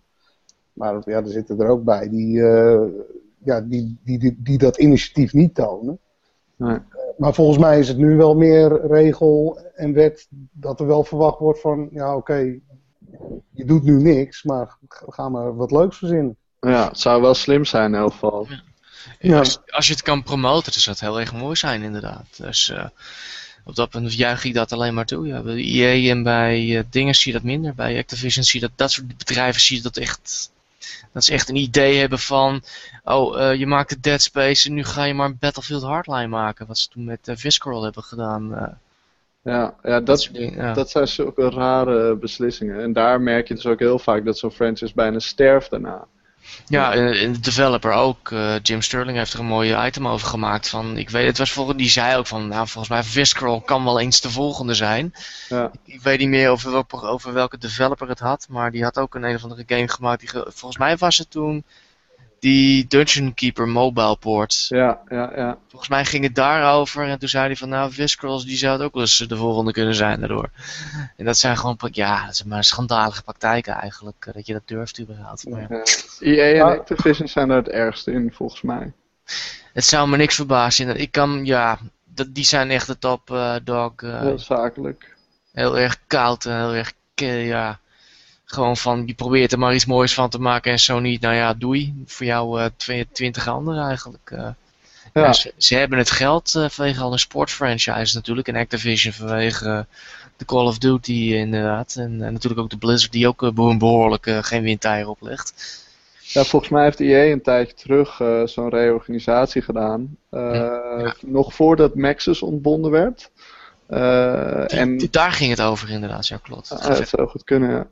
En uh, nou ja, toen, wat zij steeds doen, is zij kijken naar het aantal franchises wat ze hebben en het aantal studios wat ze hebben. Mm -hmm. En in feite heeft één vaste studio één vaste franchise, totdat een franchise te weinig verkoopt. en dan doen ze hem, of nou ja, dan wordt het niet meer verder ontwikkeld. En dan sluiten ze een studio. Maar dan kan het dus best zijn dat bij dat schuiven uh, dat er een studio die voorheen aan uh, Need for Speed werkte, wordt gesloten. En dat de studio die geloof ik aan de Skate franchise werkte ooit, die moet ineens een nieuwe Need for Speed gaan maken.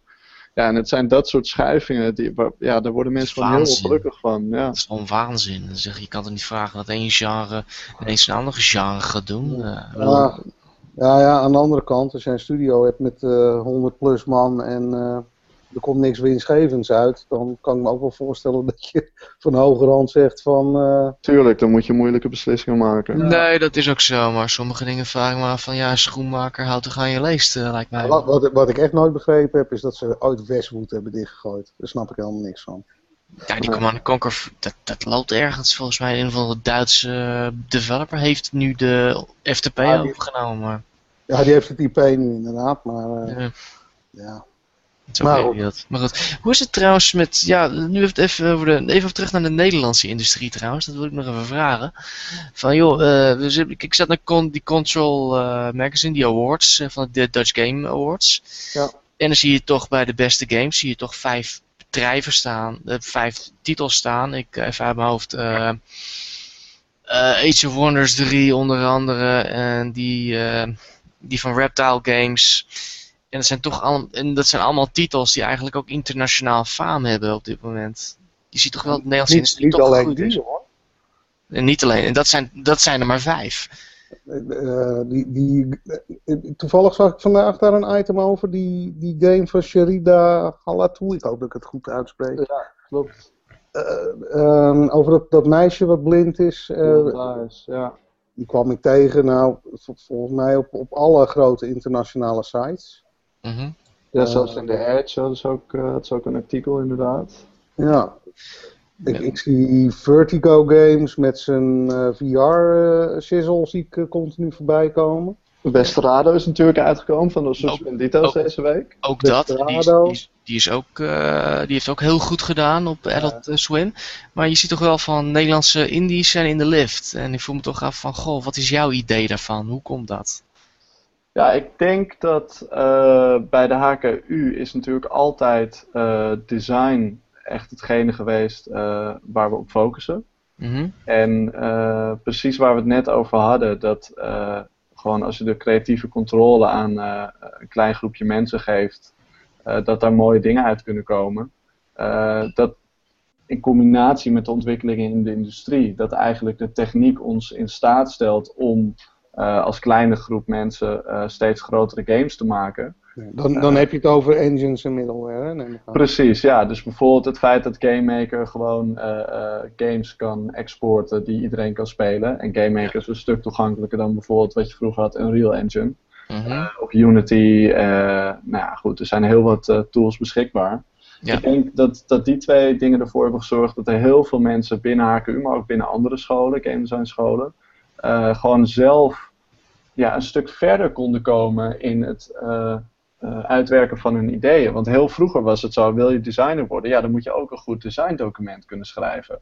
Ja, als je daar nu mee aankomt, iedereen lach je uit, weet je wel, maak maar een prototype. Ja, schrijft, iemand nog wel, schrijft iemand nog wel game design docs? Nou, ik weet alleen dat het nog wel eens gebeurt uh, als je bijvoorbeeld moet uh, communiceren met externe partijen. Dus uh, als in China de coding gedaan wordt of... nou, oké, okay, maar dan heb je al een vertical slice klaar, zeg maar. Ja, ja vaak wel. En ja, het, het, gebeurt echt nou, per project zou je het moeten bekijken. En er zijn ook nog wel wat bedrijven waar gewoon wat, wat ouderwetse game designers aan het werk zijn die het nog wel doen. Maar van alle oud-HKU-studenten die nu redelijk wat succes hebben, weet ik dat ze niet voor hun eigen designproces een designdocument hebben geschreven. Dus alles ze hebben geschreven was het puur om het te communiceren naar een klant of een opdrachtgever of wat dan ook, maar nooit meer intern als leidraad voor het ontwerp. Nee, nee, oké. En Dus, dus ook die, die planning, die zit dan ook heel kort op elkaar, denk ik. Van zorg eerst maar dat je iets werkends krijgt en daarop itereer je door. Net ja. zolang totdat je, tot, totdat je vindt dat het goed genoeg is. Ja, ook dat is wel inderdaad een, een, innovatie, denk ik. Tegelijkertijd, die ook heeft geholpen voor het succes van, van studenten en later bedrijfjes, is uh, om met Scrum te werken. Ja. Uh, Scrum is natuurlijk een projectmanagementmethode waarbij je uh, nou, in sprints werkt. Dus elke twee weken stel je een doel vast. En dat, dat alles, al die sprintdoelen, die passen binnen een groot plaatje. Mm -hmm. en dan heb je in feite gewoon iedere keer de focus bij twee weken werk. En als dat af is en het blijkt echt nou ja, niet goed te zijn, dan kun je er nog voor kiezen om er nog een sprint aan te wijden. En desnoods weer helemaal overnieuw te beginnen. Ja, of, of, of gewoon features te schrappen van dit werkt niet. Nou ja, precies, features. Maar als het in de beginfase al goed doet, dan is dat core games zijn zo goed dat je in feite later weinig features meer hoeft te, te, te schrappen. En wat er vroeger gebeurde, is dat je een watervalmethode van werken. En daarbij was het eigenlijk zo van, nou, in het begin definiëren wat het eindproduct moet zijn. En daar werken we dan met z'n allen naartoe. Uh, ja. de, de gehele projectperiode. Maar ja, als je dan met iets begint wat niet geheel leuk is en vervolgens moet je er dus nog, uh, nou ja, weet ik hoeveel maanden aan verder werken. Want ja, je hebt dat einddoel nou eenmaal uh, vastgesteld. Dan kan je je voorstellen dat je dus ook een stuk minder goede producten uh, krijgt. Ja, werken, denk je dat grotere studio's of middelgrotere studio's, dus denk Triumph Studios of, nou ja, laten we maar Guerrilla nemen bijvoorbeeld. Zijn die ook meer zo gaan werken of werken die nog vrij traditioneel met echt een, een globale planning en die, en die watervalmethode? Volgens mij, uh, bijna elk studio werkt wel ongeveer op die manier. Uh, in elk geval met wekelijkse planningen ook, die goed uh, bekeken worden. van de specifieke studio's weet ik het niet zeker. Maar volgens mij, hoe groter het bedrijf wordt, hoe hiërarchischer het vaak is. En hoe vaak, ja, hoe, hoe meer het voorkomt dat een projectmanager eigenlijk uh, echt verantwoordelijk is voor de planning. Waar bij Scrum, uh, Scrum natuurlijk is dat een werknemer gewoon zijn eigen planning bepaalt. Uh, en dingen op done zet. Je hebt zo'n Scrum board waar je dan dingen zet op in progress of done. of ready for testing. Um, en, en dat gebeurt dus volgens mij bij de grote bedrijven niet. Dat een werknemer dus ook zelf echt letterlijk in charge is van oké, wat kan ik binnen deze week maken? Uh, dit en dit en dat, daar commit ik aan en dat werk ik uit. Dus nog veel vaker, nee, hier heb je een lijstje, doe dat werk maar. Uh, en, en ja, aan het eind van de week uh, moet het gewoon af zijn. Ja, ja, oké. Okay. En je hebt het nu over die nieuwe technieken die ons natuurlijk Nederlandse bedrijven, ons voor mij nou, die Nederlandse industrie, ja, toch een beetje trots hè, weet je. die Nederlandse industrie toch beter, maar is dit typisch iets wat Nederlanders heel goed hebben opgepikt of is dit gewoon internationaal gewoon zo? Nou, ik denk wel dat Nederland een unieke positie heeft ingenomen als het gaat om uh, uh, game design. Dat er toch echt wel, tenminste ik heb natuurlijk bij HKU van dichtbij meegemaakt. Dat is de oudste uh, game design opleiding die er is. dus het is echt wel met een bepaalde focus constant gekeken naar, oké, hoe kunnen we verbeteren? Weet je, hoe kan de volgende generatie studenten nou nog beter presteren? Mm-hmm. En ik denk dat dat wel heel Nederlands is. Dat heel kritisch kijken naar, oké, wat zijn we aan het doen en hoe kan dit beter?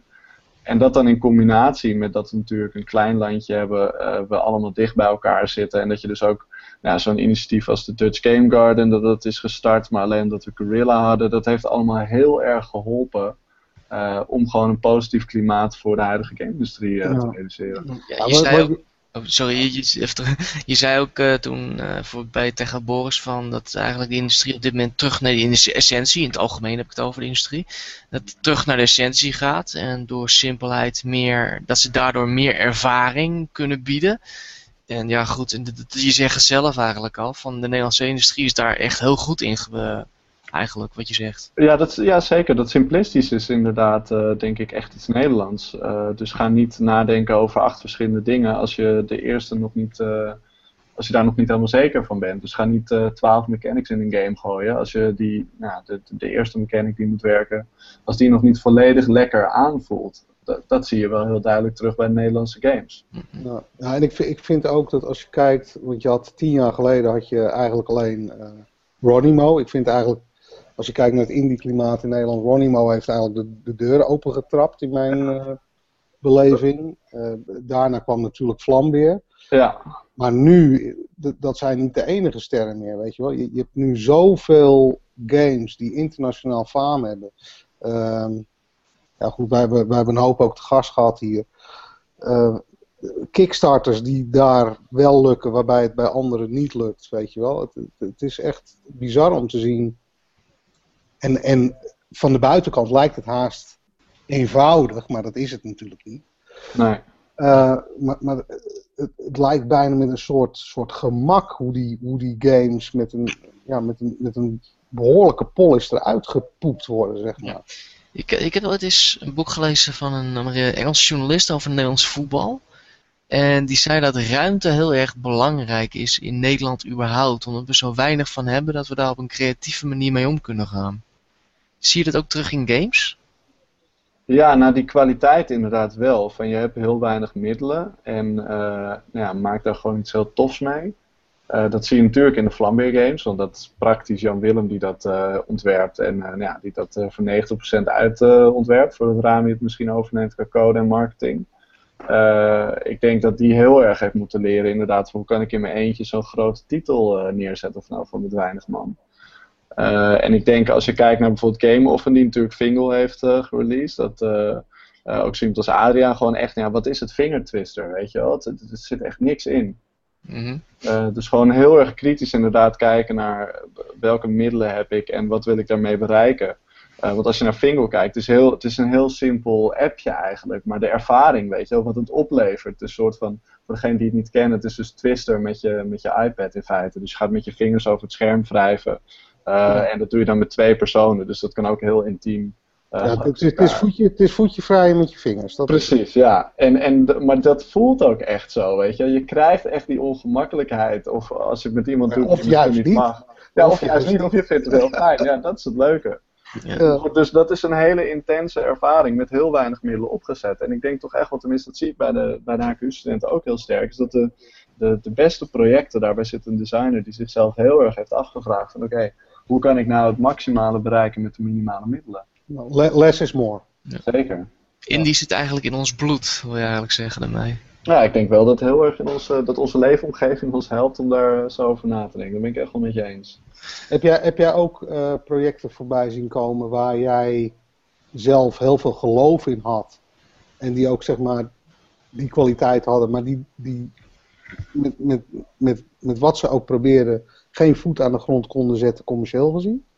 Nou, nee. Eigenlijk gek genoeg niet. Ik heb echt wel uh, heel veel projecten voorbij zien komen. En ik heb bijna alles wat dan niet commercieel uh, gezien uh, slaagde, had ik ook zoiets van, nou, creatief zie ik ook wel dat het beter kan. andersom ja. heb ik het overigens wel gehad. Dat ik echt dacht van, nou, ik zie hier totaal de kwaliteit niet van in, maar het is ontzettend populair. Je, je, je, je, wil, je wil zeker niet noemen welke dat is. Ja, zeker wel. Dat is dus, nu is Westerado Double Barreled voor Steam uitgekomen. En dat was dus inderdaad daarvoor een uh, game voor Adult Swim. En uh, ik heb die jongens echt nou, 2,5 jaar lang begeleid tijdens het uh, ontwikkeltraject van beide projecten. Mm -hmm. En bij die eerste Westerado, ik vond de pixel art ontzettend mooi. Maar ik vond het spel voor geen meter spelen. En ik ben zelf toch al niet zo'n enorme open world fan dat ik echt dacht van ja, ja oké okay, jongens, ja, het is een leuk project. Ik denk dat er meer uit uh, te halen uh, was geweest. En toen hadden ze geloof ik binnen een week nou, tienduizenden playthroughs en, en iedereen was lyrisch. Dus dacht ik, oké. Okay. Ja, het is wel grappig. Het is echt... Die, had, die is miljoenen keer gedownload uh, op Adult Swim inderdaad. Ik ga er nog eventjes bij voor zekerheid. Maar ja. ik zat ook te kijken. Ik denk van, jezus, het is wel een leuk, hele leuke Kings, old school King's Quest-achtige game. Ja. En dat doe je het altijd goed bij mij. Maar ik stond wel even te kijken van, uh, oh my, echt onvoorstelbaar. Ja. Nou, het zoveel downloads. Het grappige is dus, als ik daarop reflecteer, het, het is gewoon een goede game. Het is gewoon een, een goede game, niet helemaal mijn type, omdat het dus een open world game is. Maar zelfs als open world western game, ik kan de humor waarderen, uh, de karakters, uh, de, de dingen die je moet doen vind ik hartstikke leuk. Uh, maar zij hadden ook heel veel features in de game, die het voor mij nog leuker maakten. En die hebben ze bijna altijd moeten schrappen, uh, omdat het gewoon of technisch niet haalbaar was, of het gewoon toch voor hun gevoel niet lekker werkte. Dus in mijn hoofd had het nog een veel vettere game kunnen zijn. Ik denk dat dat is wat daar mis is gegaan. Ja, ja. Hmm. Het is wel grappig. Jij weet meer in ieder geval dan wij, begrijp ik. Ja, ja, nou ja, bijvoorbeeld iets wat ze geschrapt hebben, wat ik wel kan zeggen, denk ik al bij de eerste Westorado, was een, eh, eh, een lasso mechanic. Dus je kon ook met een lasso rondzwaaien en op die manier eh, jezelf aan buffels bevestigen. ja, hoe meer cowboy kan het worden, weet je wel? Dus dat vond ik heel cool. En op een gegeven moment zat er een bug ook in. En eh dan kon je zelfs die buffels ook op een gegeven moment oppakken en meenemen. Nou, dat vond ik echt geweldig. Maar ja, dat kan natuurlijk helemaal niet. Hoe ga je in godsnaam zo'n enorme buffel eh, meenemen? Dus ik vond het niet geloofwaardig. Wat ik heel goed snap. Dus dat hebben ze uiteindelijk weer, weer losgelaten. Ja. Ik vind het wel grappig dat je het zegt, want ik, eh, ik had een keer een gesprek met, eh, met JP van 70 van de Das Game Garden. Ja, En die, die begeleiden natuurlijk eh, destijds eh, Abbey Games, wel bekend van eh, van Reus. de veel geprezen Reus. Maar Reus was hun eerste project en dat was nogal een project. Dat was een vrij eh, ambitieus ding, zeker voor een eerste game. Dus die hebben eigenlijk dat, dat minimalistische waar we het nu over hebben, dat hebben zij losgelaten. Ja. En zij hebben wel echt een grote doel neergezet. En JP die zegt van, denk nou klein, eh, probeer, het, probeer het nou, eh, probeer nou eerst iets werkends te krijgen, eh, doe niet zo gek. en, ik, ik, en ik vind het dan, en dat vind ik dan wel mooi om te zien, zij hebben dus, ja, zij zijn koppig geweest, en zij hebben het gewoon doorgezet. En, Ja. en toch een hele goede game eh, weten te maken, die het vervolgens ook commercieel nog eens een keer heel goed doet. Nou, dat, dat- ik moet je eerlijk zeggen, Reus was ook zo'n titel dat toen ik de eerste eh, versie speelde en ik heb eh, nou ja, een wat vroege versie een keer gespeeld. Je ziet heel erg dat het voortkomt vanuit universitaire eh, informatici, als dat een woord is. Ehm, Ja. Ja, dat is een woord. Super. Eh, maar dit, zij hebben heel erg nagedacht over het neerzetten van een, eh, inderdaad een enorm uitgebreid resource systeem die verbonden zit met die wereld. En zo zijn zij gaan denken van oké, en hoe kunnen we daar een tof spel omheen bouwen? En nou ja, daar is natuurlijk ontzettend veel balancing ook voor nodig. Eh, en en de- ik dacht eerst van Reus, nou ik weet het niet hoor. En nou ja, toen speelde ik de final versie. En die was toch echt wel heel erg tof. En toen was ik ook verbaasd van wauw, wat vet zeg, dat ze dit ervan hebben kunnen maken. Maar, maar, maar wat jij zegt, zij hebben meer bo- bottom-up gedacht, zeg maar, in plaats van we gaan dit maken en hoe gaan we dat doen? Ja, en nou, volgens mij, en, en correct me if I'm wrong, ik heb dat ook, eh, eh, ik heb nooit de designer direct hierover gesproken, maar ik had de indruk inderdaad dat het heel erg vanuit de drive was om gewoon zo'n mooi systeem neer te zetten en daar een game omheen eh, te bouwen. Dus dus eigenlijk de omgekeerde manier van werken die inderdaad vaak eh, bij HQ gehanteerd wordt. Dus van oké, eh, eerst bedenken wat je wil maken en dan vervolgens de systemen uitwerken die daarbij bij horen. Nou, ik, de, de, de HKU's, is, is dat echt game design of zo? Of is dat nog opgesplitst in deeltjes puur en alleen eh 3D-modeling of programmeren of zo? Of is dat ei- eigenlijk zeg maar een grote verzamelbak van alles een beetje? Nee, dat is art design ook, toch? Er zijn wel specialismes, toch? Dus er zijn eigenlijk, eh, er waren drie en nu vier verschillende opleidingen. Eh, interaction design is de meest brede. Eh, dat heb ik zelf ook gestudeerd. Dus dan denk je nou over ja, interactie. Dus dat is hoe een persoon omgaat met een nou ja, vaak digitaal product. En dat, dat, dan kan je dus inderdaad game designer worden. Of misschien ga je meer de hardware kant op. Dus ga je controllers ontwerpen of wat dan ook. Eh, en dan heb je nog game art. En dat gaat echt over alles wat je ziet op het scherm. Dat je dat kan visualiseren. Eh, en dan heb je nog game design. En dat gaat dus echt over nou, bedenken van de spelregels en eh, de mechanics en dat soort dingen. En dat ook wel uit kunnen werken. Dus techniek hoort er ook bij. Eh, maar we willen meer focus aanbrengen eh, op die technische kant. Door ook game development echt apart aan te bieden. Dus dat gaan we nu komend jaar ook doen. En dat is, dat is meer, moet ik dat meer zien als programmeren? Ja, programmeren, maar nog wel steeds met die, eh, eh, ja, die kijk op de mens. Dus heel erg gefocust op ehm, wat wil iemand voor ervaring en hoe ga je dat vervolgens dan vanuit de techniek realiseren. Ja, Dus- ja. Niet hardcore eh, databases per se, misschien dat het wel voorkomt, maar eh, ja, het, het hoeft niet top-notch technisch te zijn. Nee, het, het moet werken. Het is altijd gericht op de ervaring, maar het is wel echt de meest hardcore technische eh, opleiding qua games die we gaan aanbieden. Oké, maar als gericht op de ervaring, dan denk ik dus ook dat jullie hoofdzakelijk al bestaande engines zullen gaan gebruiken. Dus Game Maker, Unity, dat soort dingen. Ja, ja. Uh, dus, uh, ik, ik weet dat Jonathan Blow, die, de maker van Braid and Witness, die, die, daar zijn heel wat mensen boos over geworden, maar die heeft dus eens gezegd van ja, eigenlijk vind ik dat elke indie-ontwikkelaar moet ooit eens zijn eigen game engine hebben gebouwd. Ja. Uh, ja, eh, vind, vind jij dat ook? Denk je dat dat nodig is? Of? Nou, nee, dat vind ik niet. Want stel je voor dat we nu zouden doen alsof alle games uh, niet bestonden die gemaakt zijn door indies die niet hun eigen engine uh, hebben gebouwd. Dan denk ik dat we echt een heel kaal uh, gamelandschap overhouden. En dat er heel veel titels zijn die we heel vet vinden die er niet zijn. dus dat is het eerste argument. En het tweede is, ja, het, het zijn gewoon tuurlijk zal het een meerwaarde hebben, weet je wel. En tuurlijk zal je daardoor op een andere manier over dingen na gaan denken, waardoor je misschien tot nog meer kwaliteit kan komen. Um, maar er zijn ook mensen die zeggen, ja, als je van software houdt, dan moet je ook hardware kunnen maken. Dus dan moet je eigen printplaten kunnen ontwerpen en dat soort dingen. Ja, weet je, we leven maar één keer en hoeveel tijd heb je? Tenzij je echt een genie bent om dat allemaal uh, binnen echt een hele korte periode allemaal onder de knie te mhm. krijgen.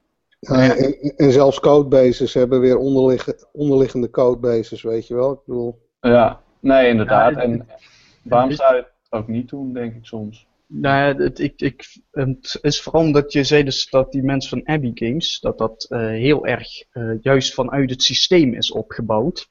Dus het, op dat punt zeg, denk ik van ja, er zit dus wel degelijk een meerwaarde in om helemaal vanuit uh, echt een systeem op te bouwen, zeg maar. Niet meteen te beginnen met allerlei leuke uh, sprites en uh, eh, 3D-modellen in te laden en die vervolgens aan elkaar te programmeren. Ja, ik denk, ik denk dat je altijd jezelf moet afvragen als je iets doet, waarom doe ik het? En als de waarom-vraag is omdat ik graag techniek wil uitwerken, dan is de kans veel groter dat er heel veel andere mensen zijn die het product zullen ervaren en denken van nou oké, ik snap dat dit een leuke technische uh, oefening voor jou was. Of een leuke uh, manier voor jou om uh, je zaterdag misschien te spenderen. maar ik vind het niet leuk om te doen. Dus ik hou me er niet mee bezig. En als jij vanaf het begin bedenkt van nou, ik maak een spel en ik wil gewoon echt dat jij op het puntje van je stoel zit. Of krijst van het lachen of juist van verdriet. en je gaat vervolgens nadenken over welke elementen je daarvoor moet gaan maken. Dus je stelt jezelf bijna in dienst van de speler in die zin. Uh, ik, ik denk dat de kans dan veel groter is dat je op iets uitkomt waarvan mensen echt zeggen: Zo, dat maakt de indruk op me. Of nou ja, goed, uh, dat behaalt die beschreven emotie. Hey, je, hebt, je hebt zelf ook een, uh, een game gemaakt, hè? ja, meerdere, maar ik ben nu wel met mijn eerste, eerste eigen indie game bezig, die ik inderdaad volledig zelf heb ontwikkeld. die heet Shoot Shoot. En dat is, nou ja, daarbij heb ik mezelf dus de vraag, of eigenlijk begon vanuit een soort irritatie ik ben namelijk een hele competitieve gamer. Dat merkt je al omdat ik uh, graag Smash speel en Mortal Kombat en uh, wat dan ook. Nou, maar, um, geen, maar geen Street Fighter. Nee, nee, zo precies. dat heb ik wel in het verleden gedaan. Maar ik ben heel competitief, dus ik, mijn, mijn voornaamste motivatie om spellen te spelen is eigenlijk altijd om die competitie aan te gaan en te kijken of je beter bent dan de ander. Ja, en dan het liefste met andere spelers. Zeker, ja, dat is het leukste. Uh, en ik zat een keer in de trein en ik realiseerde me dat ik, uh, of nou eigenlijk, ik zat met een groepje van vier man. En we hadden allemaal ons mobieltje uh, bij ons. Nou, we waren met z'n tweeën, geloof ik. Maar we hadden allebei ons mobieltje bij ons en toch konden we niks daarop doen, behalve dan bijvoorbeeld Wordfeud of zo. Maar niks waarbij we echt die, dat gevoel hadden wat je vroeger ook had toen je uh, op, achter je Nintendo 64 zat en je speelde samen GoldenEye of zo, weet je wel. Of, uh, en, en Fingal geeft die, geeft die ervaring ook niet natuurlijk. Nee, precies. is ook heel goed local multiplayer, maar uh, is, is iets intiem. Dus ik dacht, ja, dat competitieve, dat, dat wil ik graag op één device het liefst, zodat maar één iemand een telefoon bij zich moet hebben. dat wil ik de speler meegeven en vanuit dat uh, vanuit die motivatie ben ik eigenlijk begonnen met shoot shoot te maken. Dus het voelt, als je het speelt, het is een, een top-down shooter. Uh, en speel je tegen elkaar en het voelt echt, nee, ik, mensen schreeuwen gewoon van, ah, nog een keer en ik wil je verslaan en, uh, en dat soort dingen. en zo voelt het dus ook echt, dat, dat, dat, het brand van het competitieve, zeg maar, in je buik als je het speelt. En die, die game is al uit nu? Nee, ik, eh, eh, hij is af praktisch. Mhm. Eh, maar hij komt eh, nou ja, komende maand, misschien een maandje later. Het ligt een beetje aan de, de, de laatste fase. Typisch indie trouwens, besef ik me nu om dit te zeggen. Mhm. Eh, maar hij komt zeer binnenkort uit. En op, op welk platform?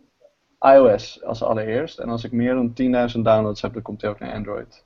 Oh, kijk, je hebt je al een doel gesteld. Ja, zeker. Ja, ik moet het kunnen rechtvaardigen eh, om, om het verder door te ontwikkelen. Het is niet zomaar geld eh, erin pompen zonder dat ik weet eh, dat er ook nog iets uit gaat komen. En, en ga, je het, ga je het premium in de markt zetten? Ja, ja ik ben heel erg voor premium games. Mhm. Juist omdat ik me besef dat er heel veel werk achter het maken van een game zit. En ik merk dat veel premium games toch wat meer eh, de gokspellenkant op gaan. Of de. eh, nou ja, goed, het voelt altijd zo leeg. Of nou, altijd. Het voelt heel vaak een beetje leeg om een premium game of een freemium game te spelen. Eh, en dat, daar, ja, daar hou ik gewoon niet van. Ik wil niet zeg maar dat gevoel dat je ergens in het buitenland loopt en dat er 6000 eh, mensen op je afkomen om geld van jou te bedelen, zeg maar. Zo voel ik me als ik de gemiddelde freemium game speel. Eh, of dat je iets moet kopen of wat dan ook. Dat, dat wil ik allemaal niet. Dat, dat doet voor mij de gameervaring teniet. Dus ik heb liever gewoon ja, betaal vooraf. Heb ik zelf als speler, het liefst en dat wil ik zelf als eh, ontwikkelaar ook zo aanbieden. Mhm. Eh, betaal maar wat, maar dan heb je wel echt een toffe ervaring. Oké, cool. En ehm, nou ja, goed, de, de game is bijna af. Hoe ga je dan om met het, met het hele playtesten en zo?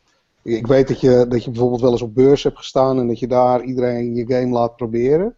Maar doe je veel aan focus testing? Of, of eh, Ja. hoe kom je in feedback, laat ik het zo zeggen? Nou, er zijn ontzettend veel verschillende eh, manieren van testen natuurlijk. Mhm. En eh, de, de meest simpele manier is gewoon even je telefoon aan een vriend of vriendin geven. Maar daar krijg je ook de minst goede feedback van. Want diegene die kent jou en die wil misschien aardig zijn. Of nou ja, met designers is het eigenlijk ook niet zo goed. Want iedereen heeft echt een bepaalde smaak als designer. En die, die, die weer krijg je in overkoepeld. feite te horen. Eh, zo- weet ik bijvoorbeeld van, eh, van JW van Vlambeer. Die vond in mijn game... eh, als je je vinger neerzet, dan ben je daar in het scherm. Mhm. Eh, en op het moment dat je hem eh, loslaat, verdwijn je weer. Want ik wilde heel erg het gevoel van controle geven. Dat je echt direct bent waar je tapt. En dat vond ik juist frustrerend bij andere touch games. Want dan heb je zo'n control pad overlay, weet je wel, met buttons. En dat, dat wilde ik niet.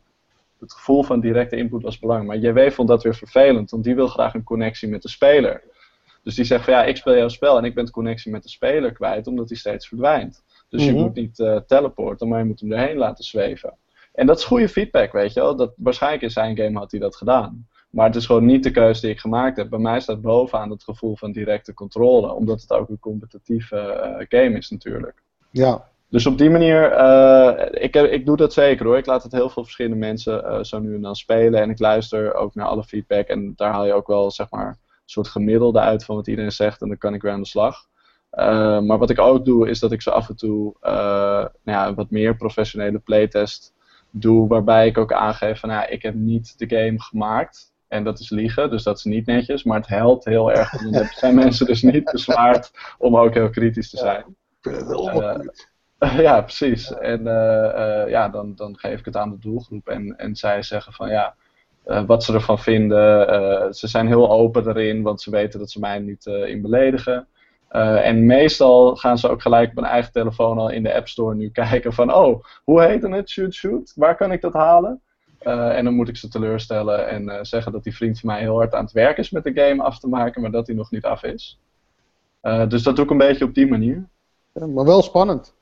Ja, het is, het is heel erg spannend. We hebben toevallig eh, met GameKings eh waren we in Berlijn bij het Amaze Festival. Eh, en daar hebben we echt ontzettend veel mensen de game laten spelen, ook voor de camera.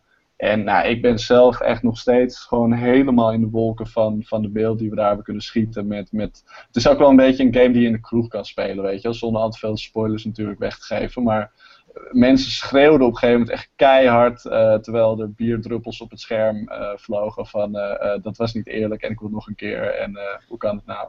Dus Ja, maar echt- maar dat, dat is wel wat je, precies wat je wil bereiken natuurlijk. Precies, dus dat, dat is, het is heel spannend, maar ja, ik, ik, ik heb op zich wel vertrouwen ook in het product. Het enige probleem wat ik nog heb is dat als je een screenshot ziet van mijn game, gewoon dus puur een afdruk van het scherm, dan Mhm. zie je hele abstracte symbooltjes, want zo ziet de game eruit. En dan denk ik dat het moeilijk is om je er iets bij voor te stellen hoe het spel nou precies speelt en waarom het zo vet is. Daar heb je echt gewoon, daar moet je die mensen bij zien die met hun vinger op het scherm staan. Maar daar, daar heb je tegenwoordig de preview-video's voor hè, in de App. Precies. Ja, Dat dus komt helemaal goed. cool. Ja, die moet ik goed gaan inzetten. Vet. Oké, ehm, ik denk dat het dan wel tijd is om even naar het nieuws te gaan. Martijn. Nieuws. Nou, we krijgen eindelijk weer eens wat aankondiging. eh. ik had al gezegd over Heroes of the Storm dat die 2 juni live ging. Maar goed, eh, ja, iedereen, eh, vijf man en een paardenkop die nog de codes niet gehad heeft, ja, die, die zal er heel blij mee zijn. We krijgen een Overlord. Overlord komt weer terug. Ja, ik ben zo blij. Maar niet van Triumph. Nee, niet het En anders als dat ik zou willen. Ja, eens. Het is een eh, Diablo-kloon lijkt het erop. Eh, wel minions, wel overlords, maar wel meer bashen. Wat ik ervan begreep is, je speelt met... eh, het is een soort van co-op game tussen verschrift met vier overlords. Iedere overlord heeft zijn eigen groep minions. En ja, je kan elkaar... Je bevecht allemaal mensen in kerkers en dungeons en dat soort dingen. En je kan elkaar dwars zitten door elkaar een val te smijten en dergelijke. Dus eh, het is niet wat hadden verwacht. En daar is nogal wat consternatie over eh, geweest. Ja, goed, wanneer, het, wat, wanneer is dat niet? Maar eh, ja, ter Rihanna Pratchett, eh, de, die doet nog wel nog steeds het script. En die heeft ook gezegd van, joh, geef het een kans. Het is niet de eerste keer dat we afwijken van het genre. Dat klopt ook. Eh, ze hebben een DS-versie gemaakt van eh Ja, klopt. Minions. Ja. En de Wii U-versie was ook weer iets anders. Dus ze zegt van ja, geef het gewoon een kans. Ik bedoel, het is nog steeds Minions en het draait nog steeds daarom. En we gaan nog steeds dingetjes doen met sheepies en hele enge dingen. En prima, weet je. Maar, maar jij, jij bent blij. Ik ben blij dat er eindelijk weer eens een overlord komt. En ik hoop eh, dat het een goede wordt. Ja, ik ben altijd bereid het een kans te geven. Ik verwacht, niet ik verwacht niet heel veel van, maar ik heb wel zoiets van... Misschien dat het gewoon leuk wordt en een minion roepen voor de, ma voor de master. Horen roepen is altijd blij. Daar word ik altijd vrolijk van. Dus eh, ik geef het een kans. Eind dit jaar. Dus dat is de eerste. Eh, Telltale gaat met Marvel in zee. Eh, of, wel, dat is dus tel, de, de verhalenmakers die gaan met de stripboer in eh, een game maken. Die komt pas in 2017 overigens uit. Is Maar niet bekend welk IP? Nee, niemand weet eh, nog eh, welke held het gaat worden. En ja, dat zijn er zoveel, jongen. Ik durf niet eens een gok te wagen. Ik kan nu echt de nerd uit gaan hangen, maar dat moet ik Jeroen van Trieren bij hebben. Dan kunnen we samen discussiëren wie wat gaat worden. Nou ja, goed, Ehm, de game is er nog niet, dus... eh, Nee, ik, ik, dat komt volgend jaar. Worden ze wel, zeggen, ze gaan ze wel iets zeggen van oh, het wordt die of het wordt die. Ik hoop X-Factor, persoonlijk. Of eh, Moon Knight, maar dat laatste zal er niet. Dus eh, het is wel het jaar wat ook Guardians of the Galaxy uitkomt. Dus misschien een prequel, maar Ja. I don't know. Het Oh ja, zou ik had, kunnen. ik, ik had nog even een, eh, een, een, hele belangrijke. Hm? Mocht je PT nog niet gespeeld hebben op je PlayStation 4, Ja, doe het snel. download hem nu, want hij wordt Ja. woensdag wordt hij uit de store gehaald. Wat eh, denk ik, of tenminste, dat zijn nu de geruchten, ehm, dat het eigenlijk niet goed zit met dat project. Hè. We hebben natuurlijk alle trammeland al gehad met ehm, Kojima. Ja, klopt. Eh, er is ruzie tussen die twee, Kon- Koja- Konami, eh, sorry, Konami en Kojima. En dat gaat het gerucht in ieder geval rond. Ja, de, de, Koji- eh, Konami zelf zegt, joh, we zijn bezig met een reorganisatie en eh, we willen gewoon alles à la Ubisoft hebben. Dus Koni- Kojima Productions wordt nu Konami en nog een achternaam, eventjes, een plaatsnaam wat ik even niet weet. Eh, mensen zeggen van, ja, dat zeggen jullie wel, maar dat komt omdat jullie ruzie hebben met Kojima. En daar blijkt Silent, Hill de klos van, Silent Hills de klos van te zijn. En zoals je weet, PT is de demo-versie van Silent Hills. En iedereen zegt nu van eh, dat het feest waarschijnlijk niet doorgaat. Iemand heeft de Guillermo del Toro geciteerd, de man die ook meedeed aan het project. En die schijnt gezegd te hebben, dit is allemaal van Twitter, dus ik weet het niet echt of dat zo is. Die schijnt in ieder geval gezegd te hebben van, eh, joh, het is gekild. Dit gaat niet meer door, dus... Oh man. Dat is echt zo ontzettend jammer. Ik uh, baal hier zo erg van. Ja, Dit laat, is laat eindelijk een goede Silent Hill. En ja, je maar laat dan ook in ieder geval die demo online staan, weet je wel. Ik bedoel, Ja. ja. Ja, maar je weet precies wat Konami gaat doen. En die demo die komt over een jaar opeens terug voor 20 euro. Ja. Ja, of, voor- voor- of voor mij zit, zit er een, inderdaad een prijskaartje aan of zo. Maar haal hem niet uit die store. Ik heb nog nooit zoveel mensen zo enthousiast over een demo gezien. Ik heb hem zelfs in toplijsten van vorig jaar terug zien komen. Hij zat Ja. bij mij op 5. Ja, daar ga je. Hij zat bij mij op 5 en gewoon omdat ik al toen ik met. Ik was. Iemand anders was het aan het spelen in de kamer. Er waren zeven man, inclusief een hond. En ik had godverdomme de zenuwen omdat die hond blafte. Ik hing in de gordijnen. Alleen daar al om. ja, het is briljant. Het, Het zou is echt zo zo dom eng. Ik zijn heb- als ze dit killen. Zelfs een YouTube-film kreeg ik de zenuwen van. Zo goed is die. Ja. En dan kill je dit. Ja, of je gaat er een een of andere idioot, ga, die developer ga je nu achter zetten. Zo'n Amerikaanse die net begint of zo. Niet, niet, niet dat ze daar wat aan kunnen doen, maar die kunnen gewoon niet tippen aan een Guillermo del Toro en een Kojima. Nee, Dus dat hele project, dat, dat, dat kan je gewoon vergeten nu als Kojima weggaat. Dus ik ben eigenlijk best wel pissig hierover. Ik ook. Ik ben, ik ben niet vaak pissig over dingen. Dan heb ik zoiets van, ja, weet je, dat gebeurt. Maar hier heb ik echt zoiets van, verdomme, dit had zo goed kunnen zijn. En dan, ja, Ik hoop, ik hoop dat Capcom dit oppakt. Ja, maar Silent Hill, zij, de Konami heeft de rechten van Silent Hill. Dat is Ja, goed, maar ze zouden wel het project kunnen snatchen en er een andere label op kunnen plakken. Precies, maak een, eh, Resident Evils. Ja, ja, dat zou nog kunnen. Het idee zou nu inderdaad nog kunnen, daar heb je gelijk in. Maar ergens had ik wel op Silent Hill, maar anderzijds is Ko- Ja, Kojima Capcom- gewoon met... Capcom is ook niet goed bezig hoor, met zijn IP. Nee, Nee. nee, maar goed. Kijk, als Kojima heeft natuurlijk wel de naam en die zal best wel wat mensen voor elkaar krijgen, eh, bij elkaar kunnen rapen, om vervolgens er zelf mee aan de slag te gaan. Dus dat zou nog kunnen. Hey, ik, ik voorspel, weet je wat ik voorspel? Nou, Ik voorspel eh, PT de, de Kickstarter, voorspel ik. Ik hoop het. die, dan is die in één dag klaar. Ja, dat denk ik ook. En in drie dagen hebben ze een, eh, in drie, vijf dagen hebben ze hun vijf andere goals ook nog gehaald, geloof ik. Daar geloof ik heel erg in, echt waar. Dus nee, ja, Ja. ik, ik lees het nu en ik ben heel teleurgesteld. Dat niet- Nou had ik ook nog een nieuwtje, eh Dutch Game Garden is verhuisd. Oh, oh, serieus? Ja, zitten, die Oh, zitten- ja, nee, ja, ze zitten al in Hilversum, dus Oh, en in. Haarlem en...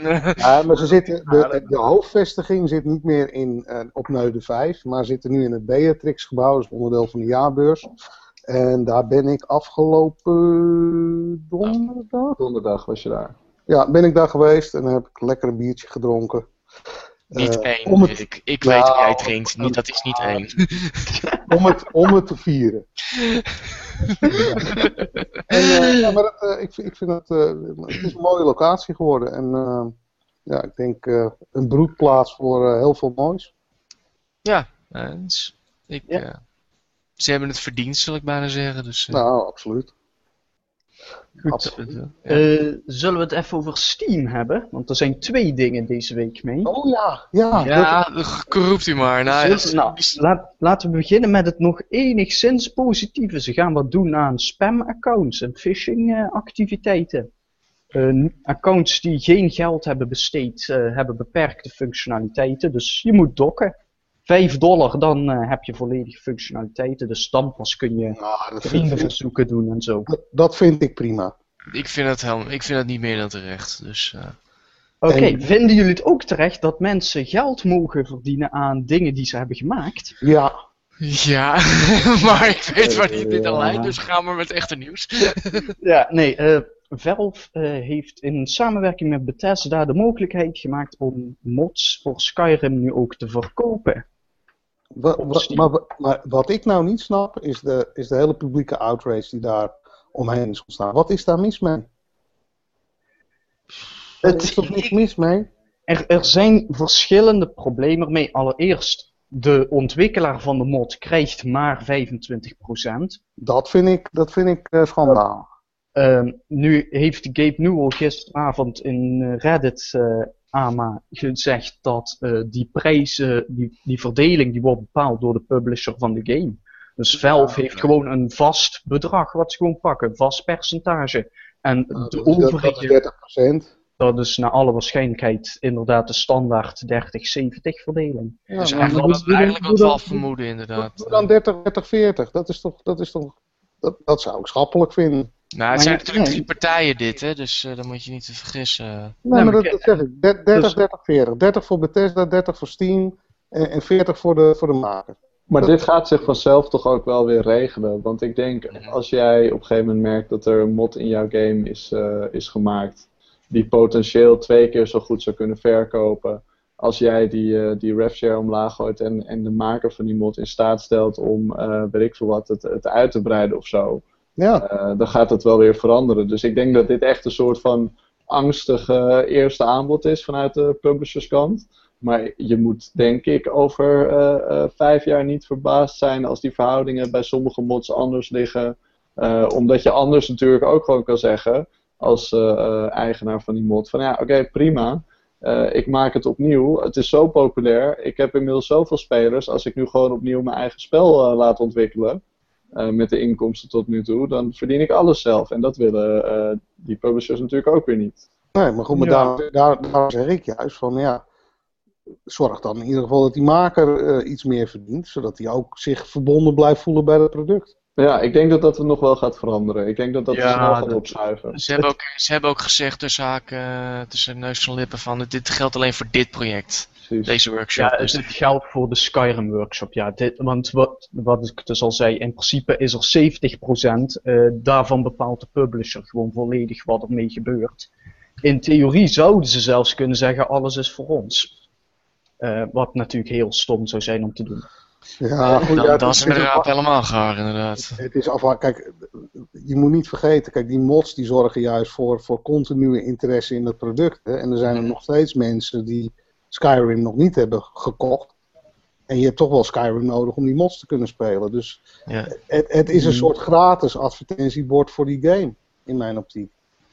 Het, Ja. is een, het is een hele creatieve uitbreiding en soms helpt dat. eh, Ja. ja. het helpt nieuwe games creëren. Ik bedoel, de Counter-Strike en de Dota-mod, dat zijn de meest bekende, wat, waar het heel succesvol is geweest. Wat een compleet nieuw genre heeft eh gespannen.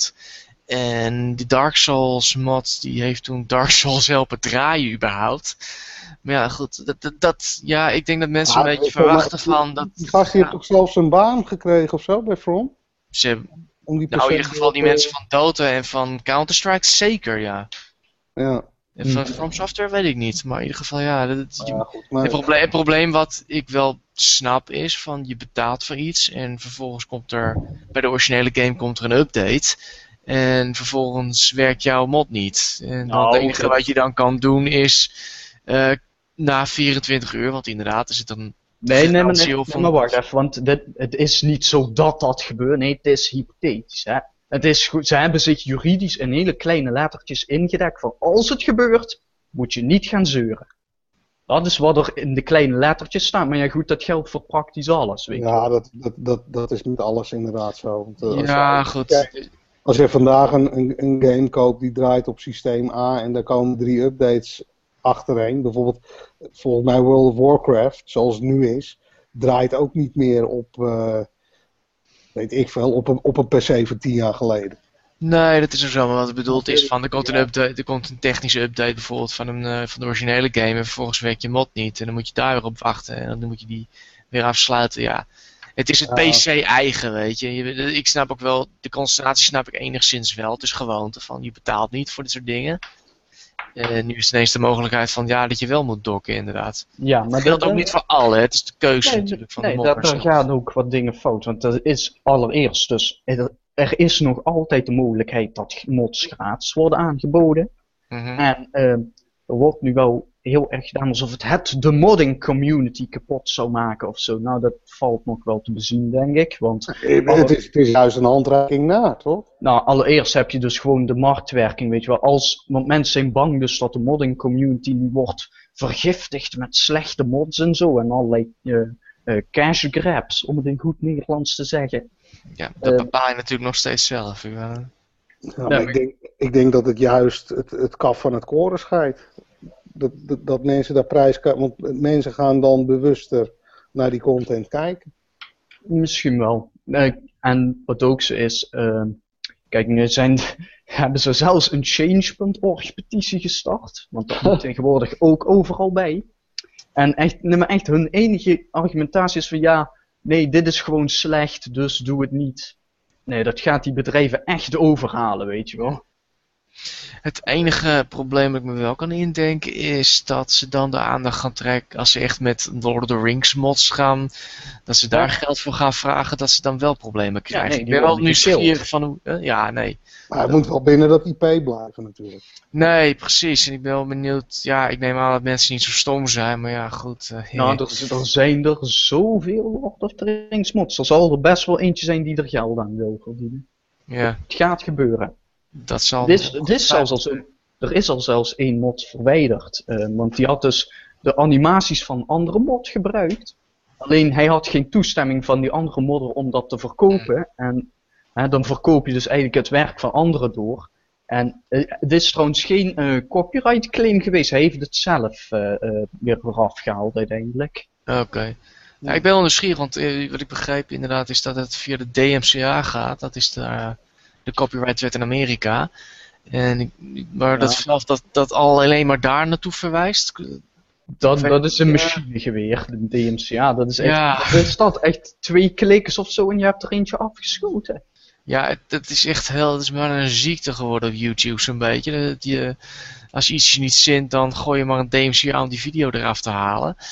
En ook al gaat het gewoon om een slechte kritiek van iemand. En ik weet niet of ik daar helemaal gelukkig mee moet zijn, eerlijk gezegd. Eh, want ja, Valve is ook niet heel zo handig in eh, het natrekken van allerlei games en eh, het zogenaamde, hoe noem je het, moderation en zo. Dus Nee, maar Ja. het, in principe begrijp ik dat ook wel. Maar aan de andere kant is het niet direct Valve hun probleem. Want als zij denken, ja, misschien wil iemand het kopen, maar waarom niet? In, in die redenatie is het ook, want Valve kijk, bekijkt dit ook heel erg vanuit de vrijheid van de makers. Om ja, de vrijheid om iets te verkopen zonder dat iemand zegt dat het wel of niet mag worden verkocht. Nee, dat is wel zo. Maar ja, ja ik hoop in ieder geval dat het goed gaat. Dit, eh, ik heb wat, zoiets, wat, ja. wat, wat, wat vind jij ervan, eh, Emiel? Eh, Zou jij ervoor zijn of juist tegen? Of... Nou ja, ik snap het inderdaad wel dat mensen er boos om worden. Maar ik zie het tegelijkertijd ook als een kans inderdaad voor mensen die eh, mods ontwikkelen. Eh, en ik zie het ook als een, eh, precies wat jij zei, een manier om de hele populaire goede mods te scheiden van nou, de wat mindere vrijdagmiddagprojectjes. Nou, het, het zou ook voor, voor Bethesda misschien wel een manier kunnen zijn om een talentpool te ontwikkelen, of niet? Ja, dat, dat gaat wel ver, maar het, het zal hun in elk geval veel eerder zichtbaar worden. En ik, ik- kijk, ik ken de modding community niet zo goed van binnen. Dus ik weet niet of het heel erg. Ja, het is natuurlijk al, al sinds jaren en dag gaande. En het is nog nooit eh, zo geweest dat iemand er direct geld voor heeft gevraagd, volgens mij. Dus in, in die zin zou het dingen kapot kunnen maken. Maar ja, of het niet iets beters gaat brengen, de elementen waar we het net over hadden. Ja, dat, dat moet zich gewoon maar uitwijzen. Nou, met de modding community is zo. En er wordt nu heel veel geroe- geroepen dat de modding community kapot zou maken. Maar ik heb echt maar een paar mensen ge- van gelezen die, echt uit die community zelf komen. Want zover ik weet zijn het voornamelijk gewoon gamers die mods gebruiken. Ja. Hierover klagen. Die, eh, goed, dat, mag, dat weet ik natuurlijk niet. Misschien ben ik wel heel cynisch, maar die ze gewoon gratis willen blijven gebruiken. Ehm, Dubbeltje eerste rang noemen we dat, hè? ja, in ieder geval heeft het te maken van Gary's mod. Die, eh, die eh, eh, wat was dat? Half-Life 2 mod. Was dat, die die eh, heeft er op zich geen problemen mee. Het enige wat hij heeft is, ja, die eh, verdeling van inkomsten is een beetje verkeerd. Ja, maar volgens mij, wat er dus ook met Gary's Mod is gebeurd, is dat het op een gegeven moment een standalone is geworden, toch? Ja. En dat in feite verandert er niet zoveel, want de meest succesvolle mods zijn altijd standalones geworden waar je voor, uiteindelijk voor bent gaan betalen. En nu gebeurt dat nog binnen het jasje van een mod in plaats van een standalone product. Ja. Toch? Dus eigenlijk verandert er misschien minder dan dat die boze gamers denken. Ja, enkel dat je voor sommige populairen dat van meer geld zou moeten betalen. Ja, ik weet niet hoeveel het ook zal zijn. eh, dat hangt ik prijs. eh. Ja, ik, eh, mij boeit het ook niet hoor. Ik, eh, Voor, niet, voor niets gaat de zon op, weet je wel. Er is precies. veel content die je gratis kreeg. eh, mhm. Ja, ik, ik zie het probleem niet zo. Ja. In ieder geval, als je een nog mooie ASCII middelvingers wilt zien, dan moet je naar Steam forums gaan. Er zijn er genoeg te vinden. Ja, ik, vind het, ik vind het zelfs trouwens wel interessant hoor, deze move. Want ik heb eh, Mhm. de aankomende drie weken begint weer een keuzemodule die heet Monetize That Pitch. En dat is eh, bij ons op de HKU, waarbij studenten eh, eigenlijk maar één opdracht krijgen. En dat is verdien geld met wat je maakt de komende drie weken. Eh, en ik denk dat een mod nu misschien een nieuwe optie zou kunnen zijn. Ik denk dat het nog niet volwassen genoeg is eigenlijk, nu ik het zeg. Maar dat is in de toekomst juist wel een mooie manier voor beginnende designers om aan hun boterham te komen. Boterham te verdienen. Ja, Het is een manier inderdaad om alvast eh, ja, zakcentjes erbij te doen. eh. Ik Mhm. weet niet hoeveel het zal opbrengen, alleen dat is de vraag natuurlijk. Ja. Nou ja, de, vorig jaar was de enige die het had gehad, die had 1 cent verdiend met een, eh, een Android game. Dus als je met je mod al meer dan 1 cent verdient, heb je het record van vorig jaar al gebroken. Wauw. dat, eh, nou ja, goed.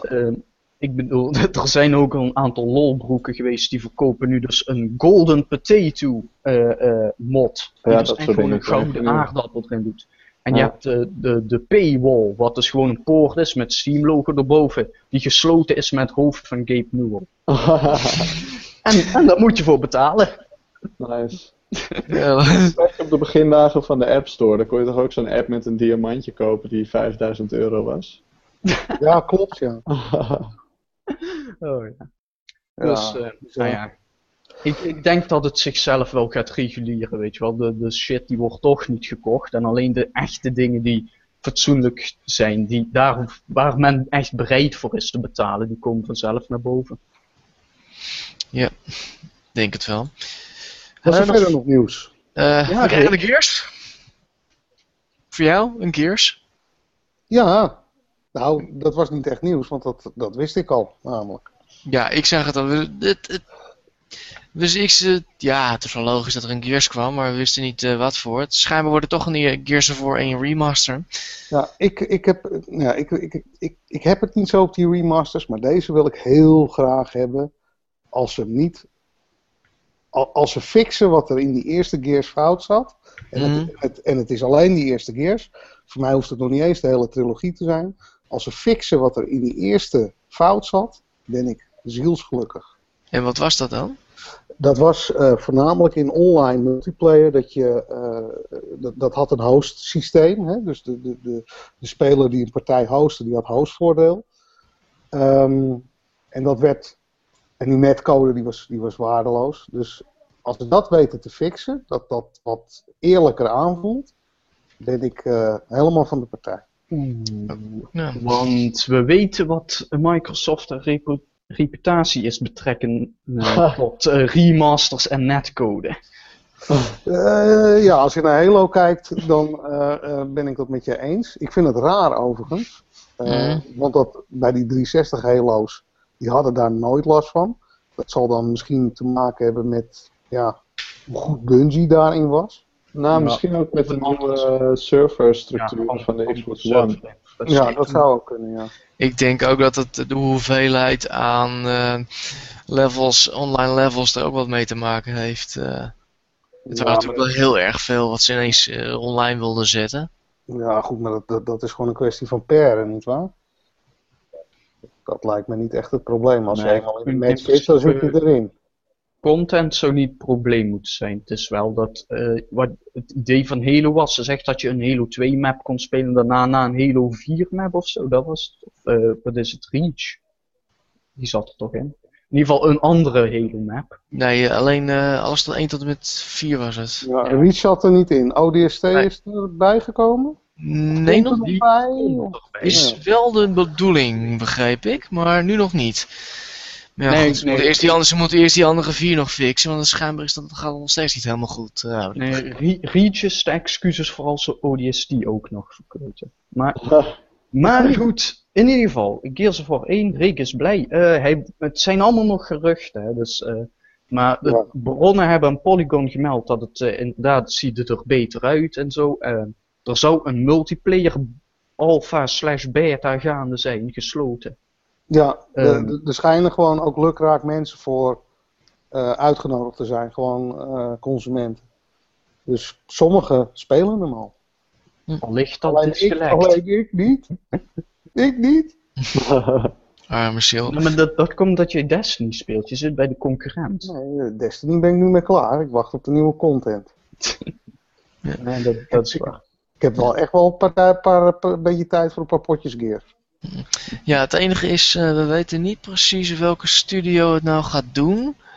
Het is of Splash Damage, eh, sorry, Splash Damage, die zijn van eh, onder andere Brink and Dirty Bomb. of het wordt Black Tusk Studios, die speciaal daarvoor eigenlijk was opgericht. Of ze doen het beide. Het Of er komt er nog één, dan komt er nog een Gears uit. het zal me niks verbazen als Black Tusk het heeft gedaan. Dat, dat het technische personeel wat daar al zat, daarmee aan de, ga- aan de slag is gegaan. En dat hun eh, artists, game designers, et cetera, dat die volop eh, de nieuwe zitten.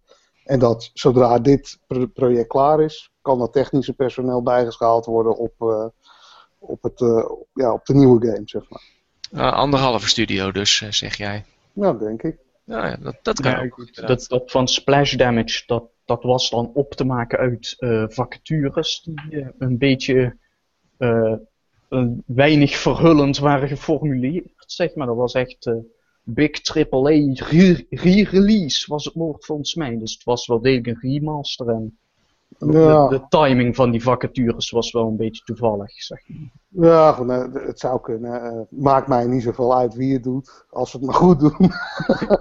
Nee, maar in, in principe is dat bij remasters ook iets minder belangrijk, want die Ja. game is er al, zeg maar. Zo Ja, alleen maar te upgraden. Bij deze vind ik het juist belangrijk, omdat ik, ik heb echt me kostelijk vermaakt. Er is denk ik geen enkele andere game die ik zoveel gespeeld heb als de eerste Gears of War. Maar ja, daar zaten nogal wat kinderziektes in. En als ik nu gewoon echt een, een clean versie krijg, die precies dat doet als wat hij toen deed, maar dan beter.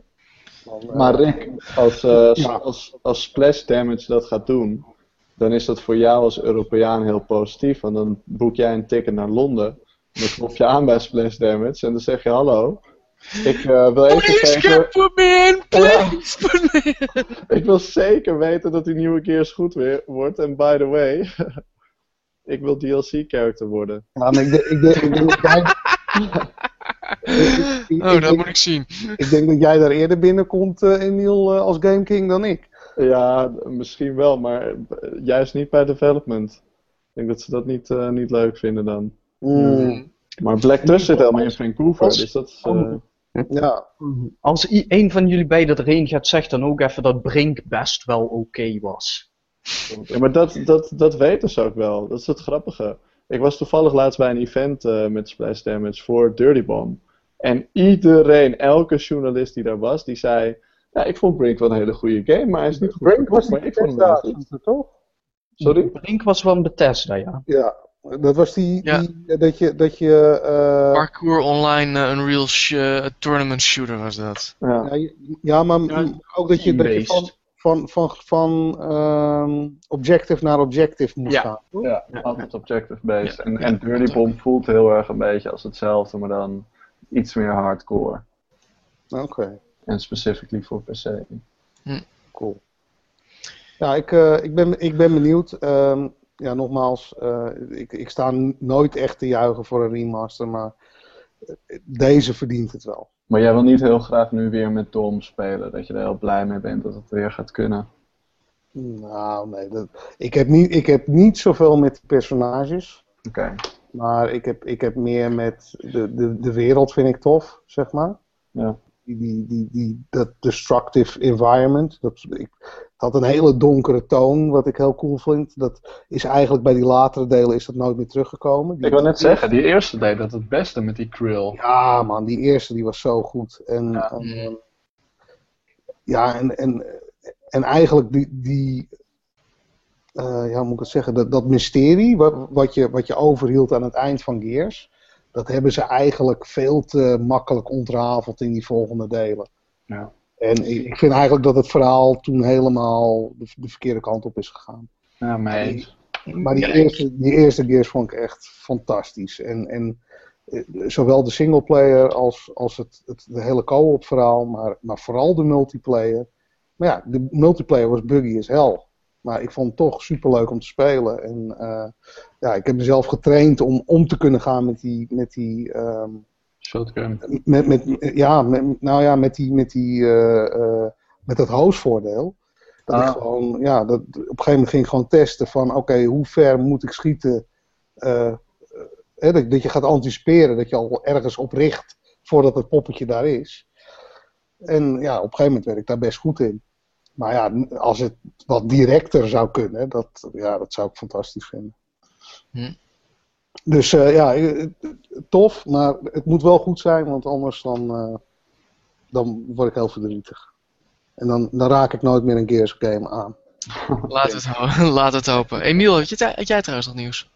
Nee, het, eh, nou ja, ik kan er nogmaals zeggen dat Westerado dus is uitgekomen. Dat is eigenlijk mijn, eh, mijn grootste... Nou, er- komt veel uit, want ehm eh, Westerado is uitgekomen. Eh, Eh, Action, Action Hank heet het. Ja, oh ja, wat dat betreft is er echt Ja. ontzettend veel.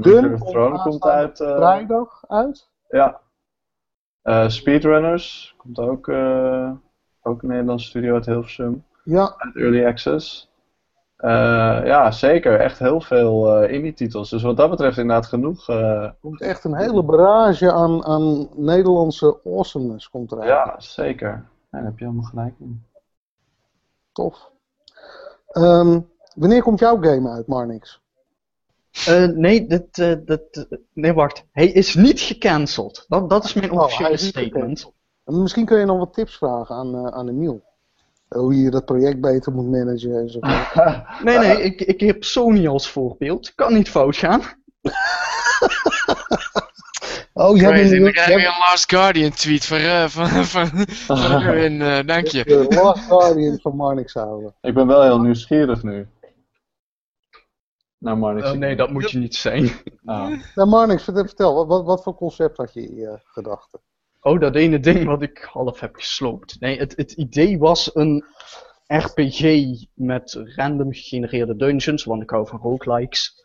Ehm goh, ja, dat, het, en er, er was ooit nog iets van plan met een, een mechanic waarbij je dus met NPC's kon praten, waarbij je een skill kon unlocken die je at random zou zeggen of die NPC die specifieke zin die je dan op het scherm had of dat waar was, of dat het gelogen zou zijn. Oké, cool. Zo quests beïnvloeden, zeg maar. Oké, interessant. Ik vind dat denk ik Ja. meest interessant eraan. De rest klinkt als iets wat, wat veel bestaat. Maar een soort van eh, eh, sociale invloeden binnen je roguelike, daar zie ik wel echt... eh, ja, dat lijkt me wel echt heel tof. Oh, dat, dat, dat, dat zie ik wel als een, als een soort aansporing, eh Marnix. Zeker. Ja, moet ik eerst tijd vinden. Hè? De tijd moet je maken. Nee, tijd moet Ja. je vinden. Je had nu gewoon gedurende dit gesprek al had je gewoon kunnen gaan. Ah, je, had, je, had nu al, je, je had nu al drie levels in elkaar kunnen vallen. Ja. nee, zo Nee, dat, eh, niet. Nee, mijn officiële statement is: hij is niet gecanceld en we laten jullie meer weten als het zover is. Hmm. Het. Last Guardian excuus, oké. Nee, want ik heb mijn copyright nog niet verloren. Hè? Dat, eh, Oh, oh. oh je, Kijk. oh jeetje. Hij pakt het wel goed aan. Je hebt hem helemaal getrademarkt en eh, shit. Goed. Ja, tof. Eh, ik denk dat we dan eh, aan het einde zijn gekomen, of niet? Ik vind het wel. Wil iemand nog wat zeggen? en mag ik dan toch nog even terugkomen op die Star Wars trailer? Ja, dat mag. Ik, ik, Ja. eh, die heb, ik heb gisteren Avengers Maar pas op, pas op, pas op wat je zegt. Jongen, rustig aan. Eh, ik heb Avengers Age of Ultron eh, gisteren gekeken. Was erg leuk, erg geweldig. Uit aanrader. Gewoon verstand op nul, blik op nijdig en keihard genieten. Eh, ik heb wel die Star Wars trailer in de bios nu gezien. En ik moet zeggen, ik word nu wel 5% warmer erdoor. Had, Dus- je, kippen, had je kippenvel op sommige momenten? Nou, eh, er ging een haartje omhoog. Ergens link, bij mijn linkerpols zo'n beetje. Dus, eh, Hoe, hoe was de reactie uit de zaal? Nou, ik hoorde een Wookie ergens. Ah, ik, ik kon het niet na, ik kan het niet nadoen, vrees ik. Maar eh, iemand was een Wookie aan het doen. Oh man, jij hebt echt, ik weet niet of jij überhaupt een hart hebt. Maar Nee, die heb ik al lang verkocht, jongen, voor extra, uh, ja, voor extra wat. Hè? Voor extra weer? credits. Hè? Mm, ja, zoiets. Voor extra Heroes of the Storm. Helpen. Ja, nee, ik, moet, ik moest toch ergens Diablo van kopen. Uh, dus. Dat erin. Maar dat was het. Oké, okay, nou, uh, dat was hem. Emiel, hartelijk ja. bedankt dat je bij ons wilde zijn. Ja, bedankt voor de uitnodiging. Ik vond het echt ontzettend leuk. Ja, nou ja, insgelijks. En um, ja, even voor onze luisteraars. Uh, volgende week um, is Patrick er nog steeds niet. Klopt dat? Uh, hij zou misschien terug zijn, maar dat wist hij zelf ook nog niet. We gokken van niet. Nou, we gokken van niet. Uh, in ieder geval, ja, mocht je ons beluisteren via iTunes, geef ons dan even een review. Dat vinden wij heel erg fijn. Um, mocht je vragen hebben, stuur ze via Twitter, et cetera, et cetera. vinden wij ook heel erg fijn. Daar gaan we zeker op in. En uh, dan was dit alweer een nieuwe uh, Dutch Cowboys podcast. Ik hoop dat jullie het leuk vonden. En tot volgende week.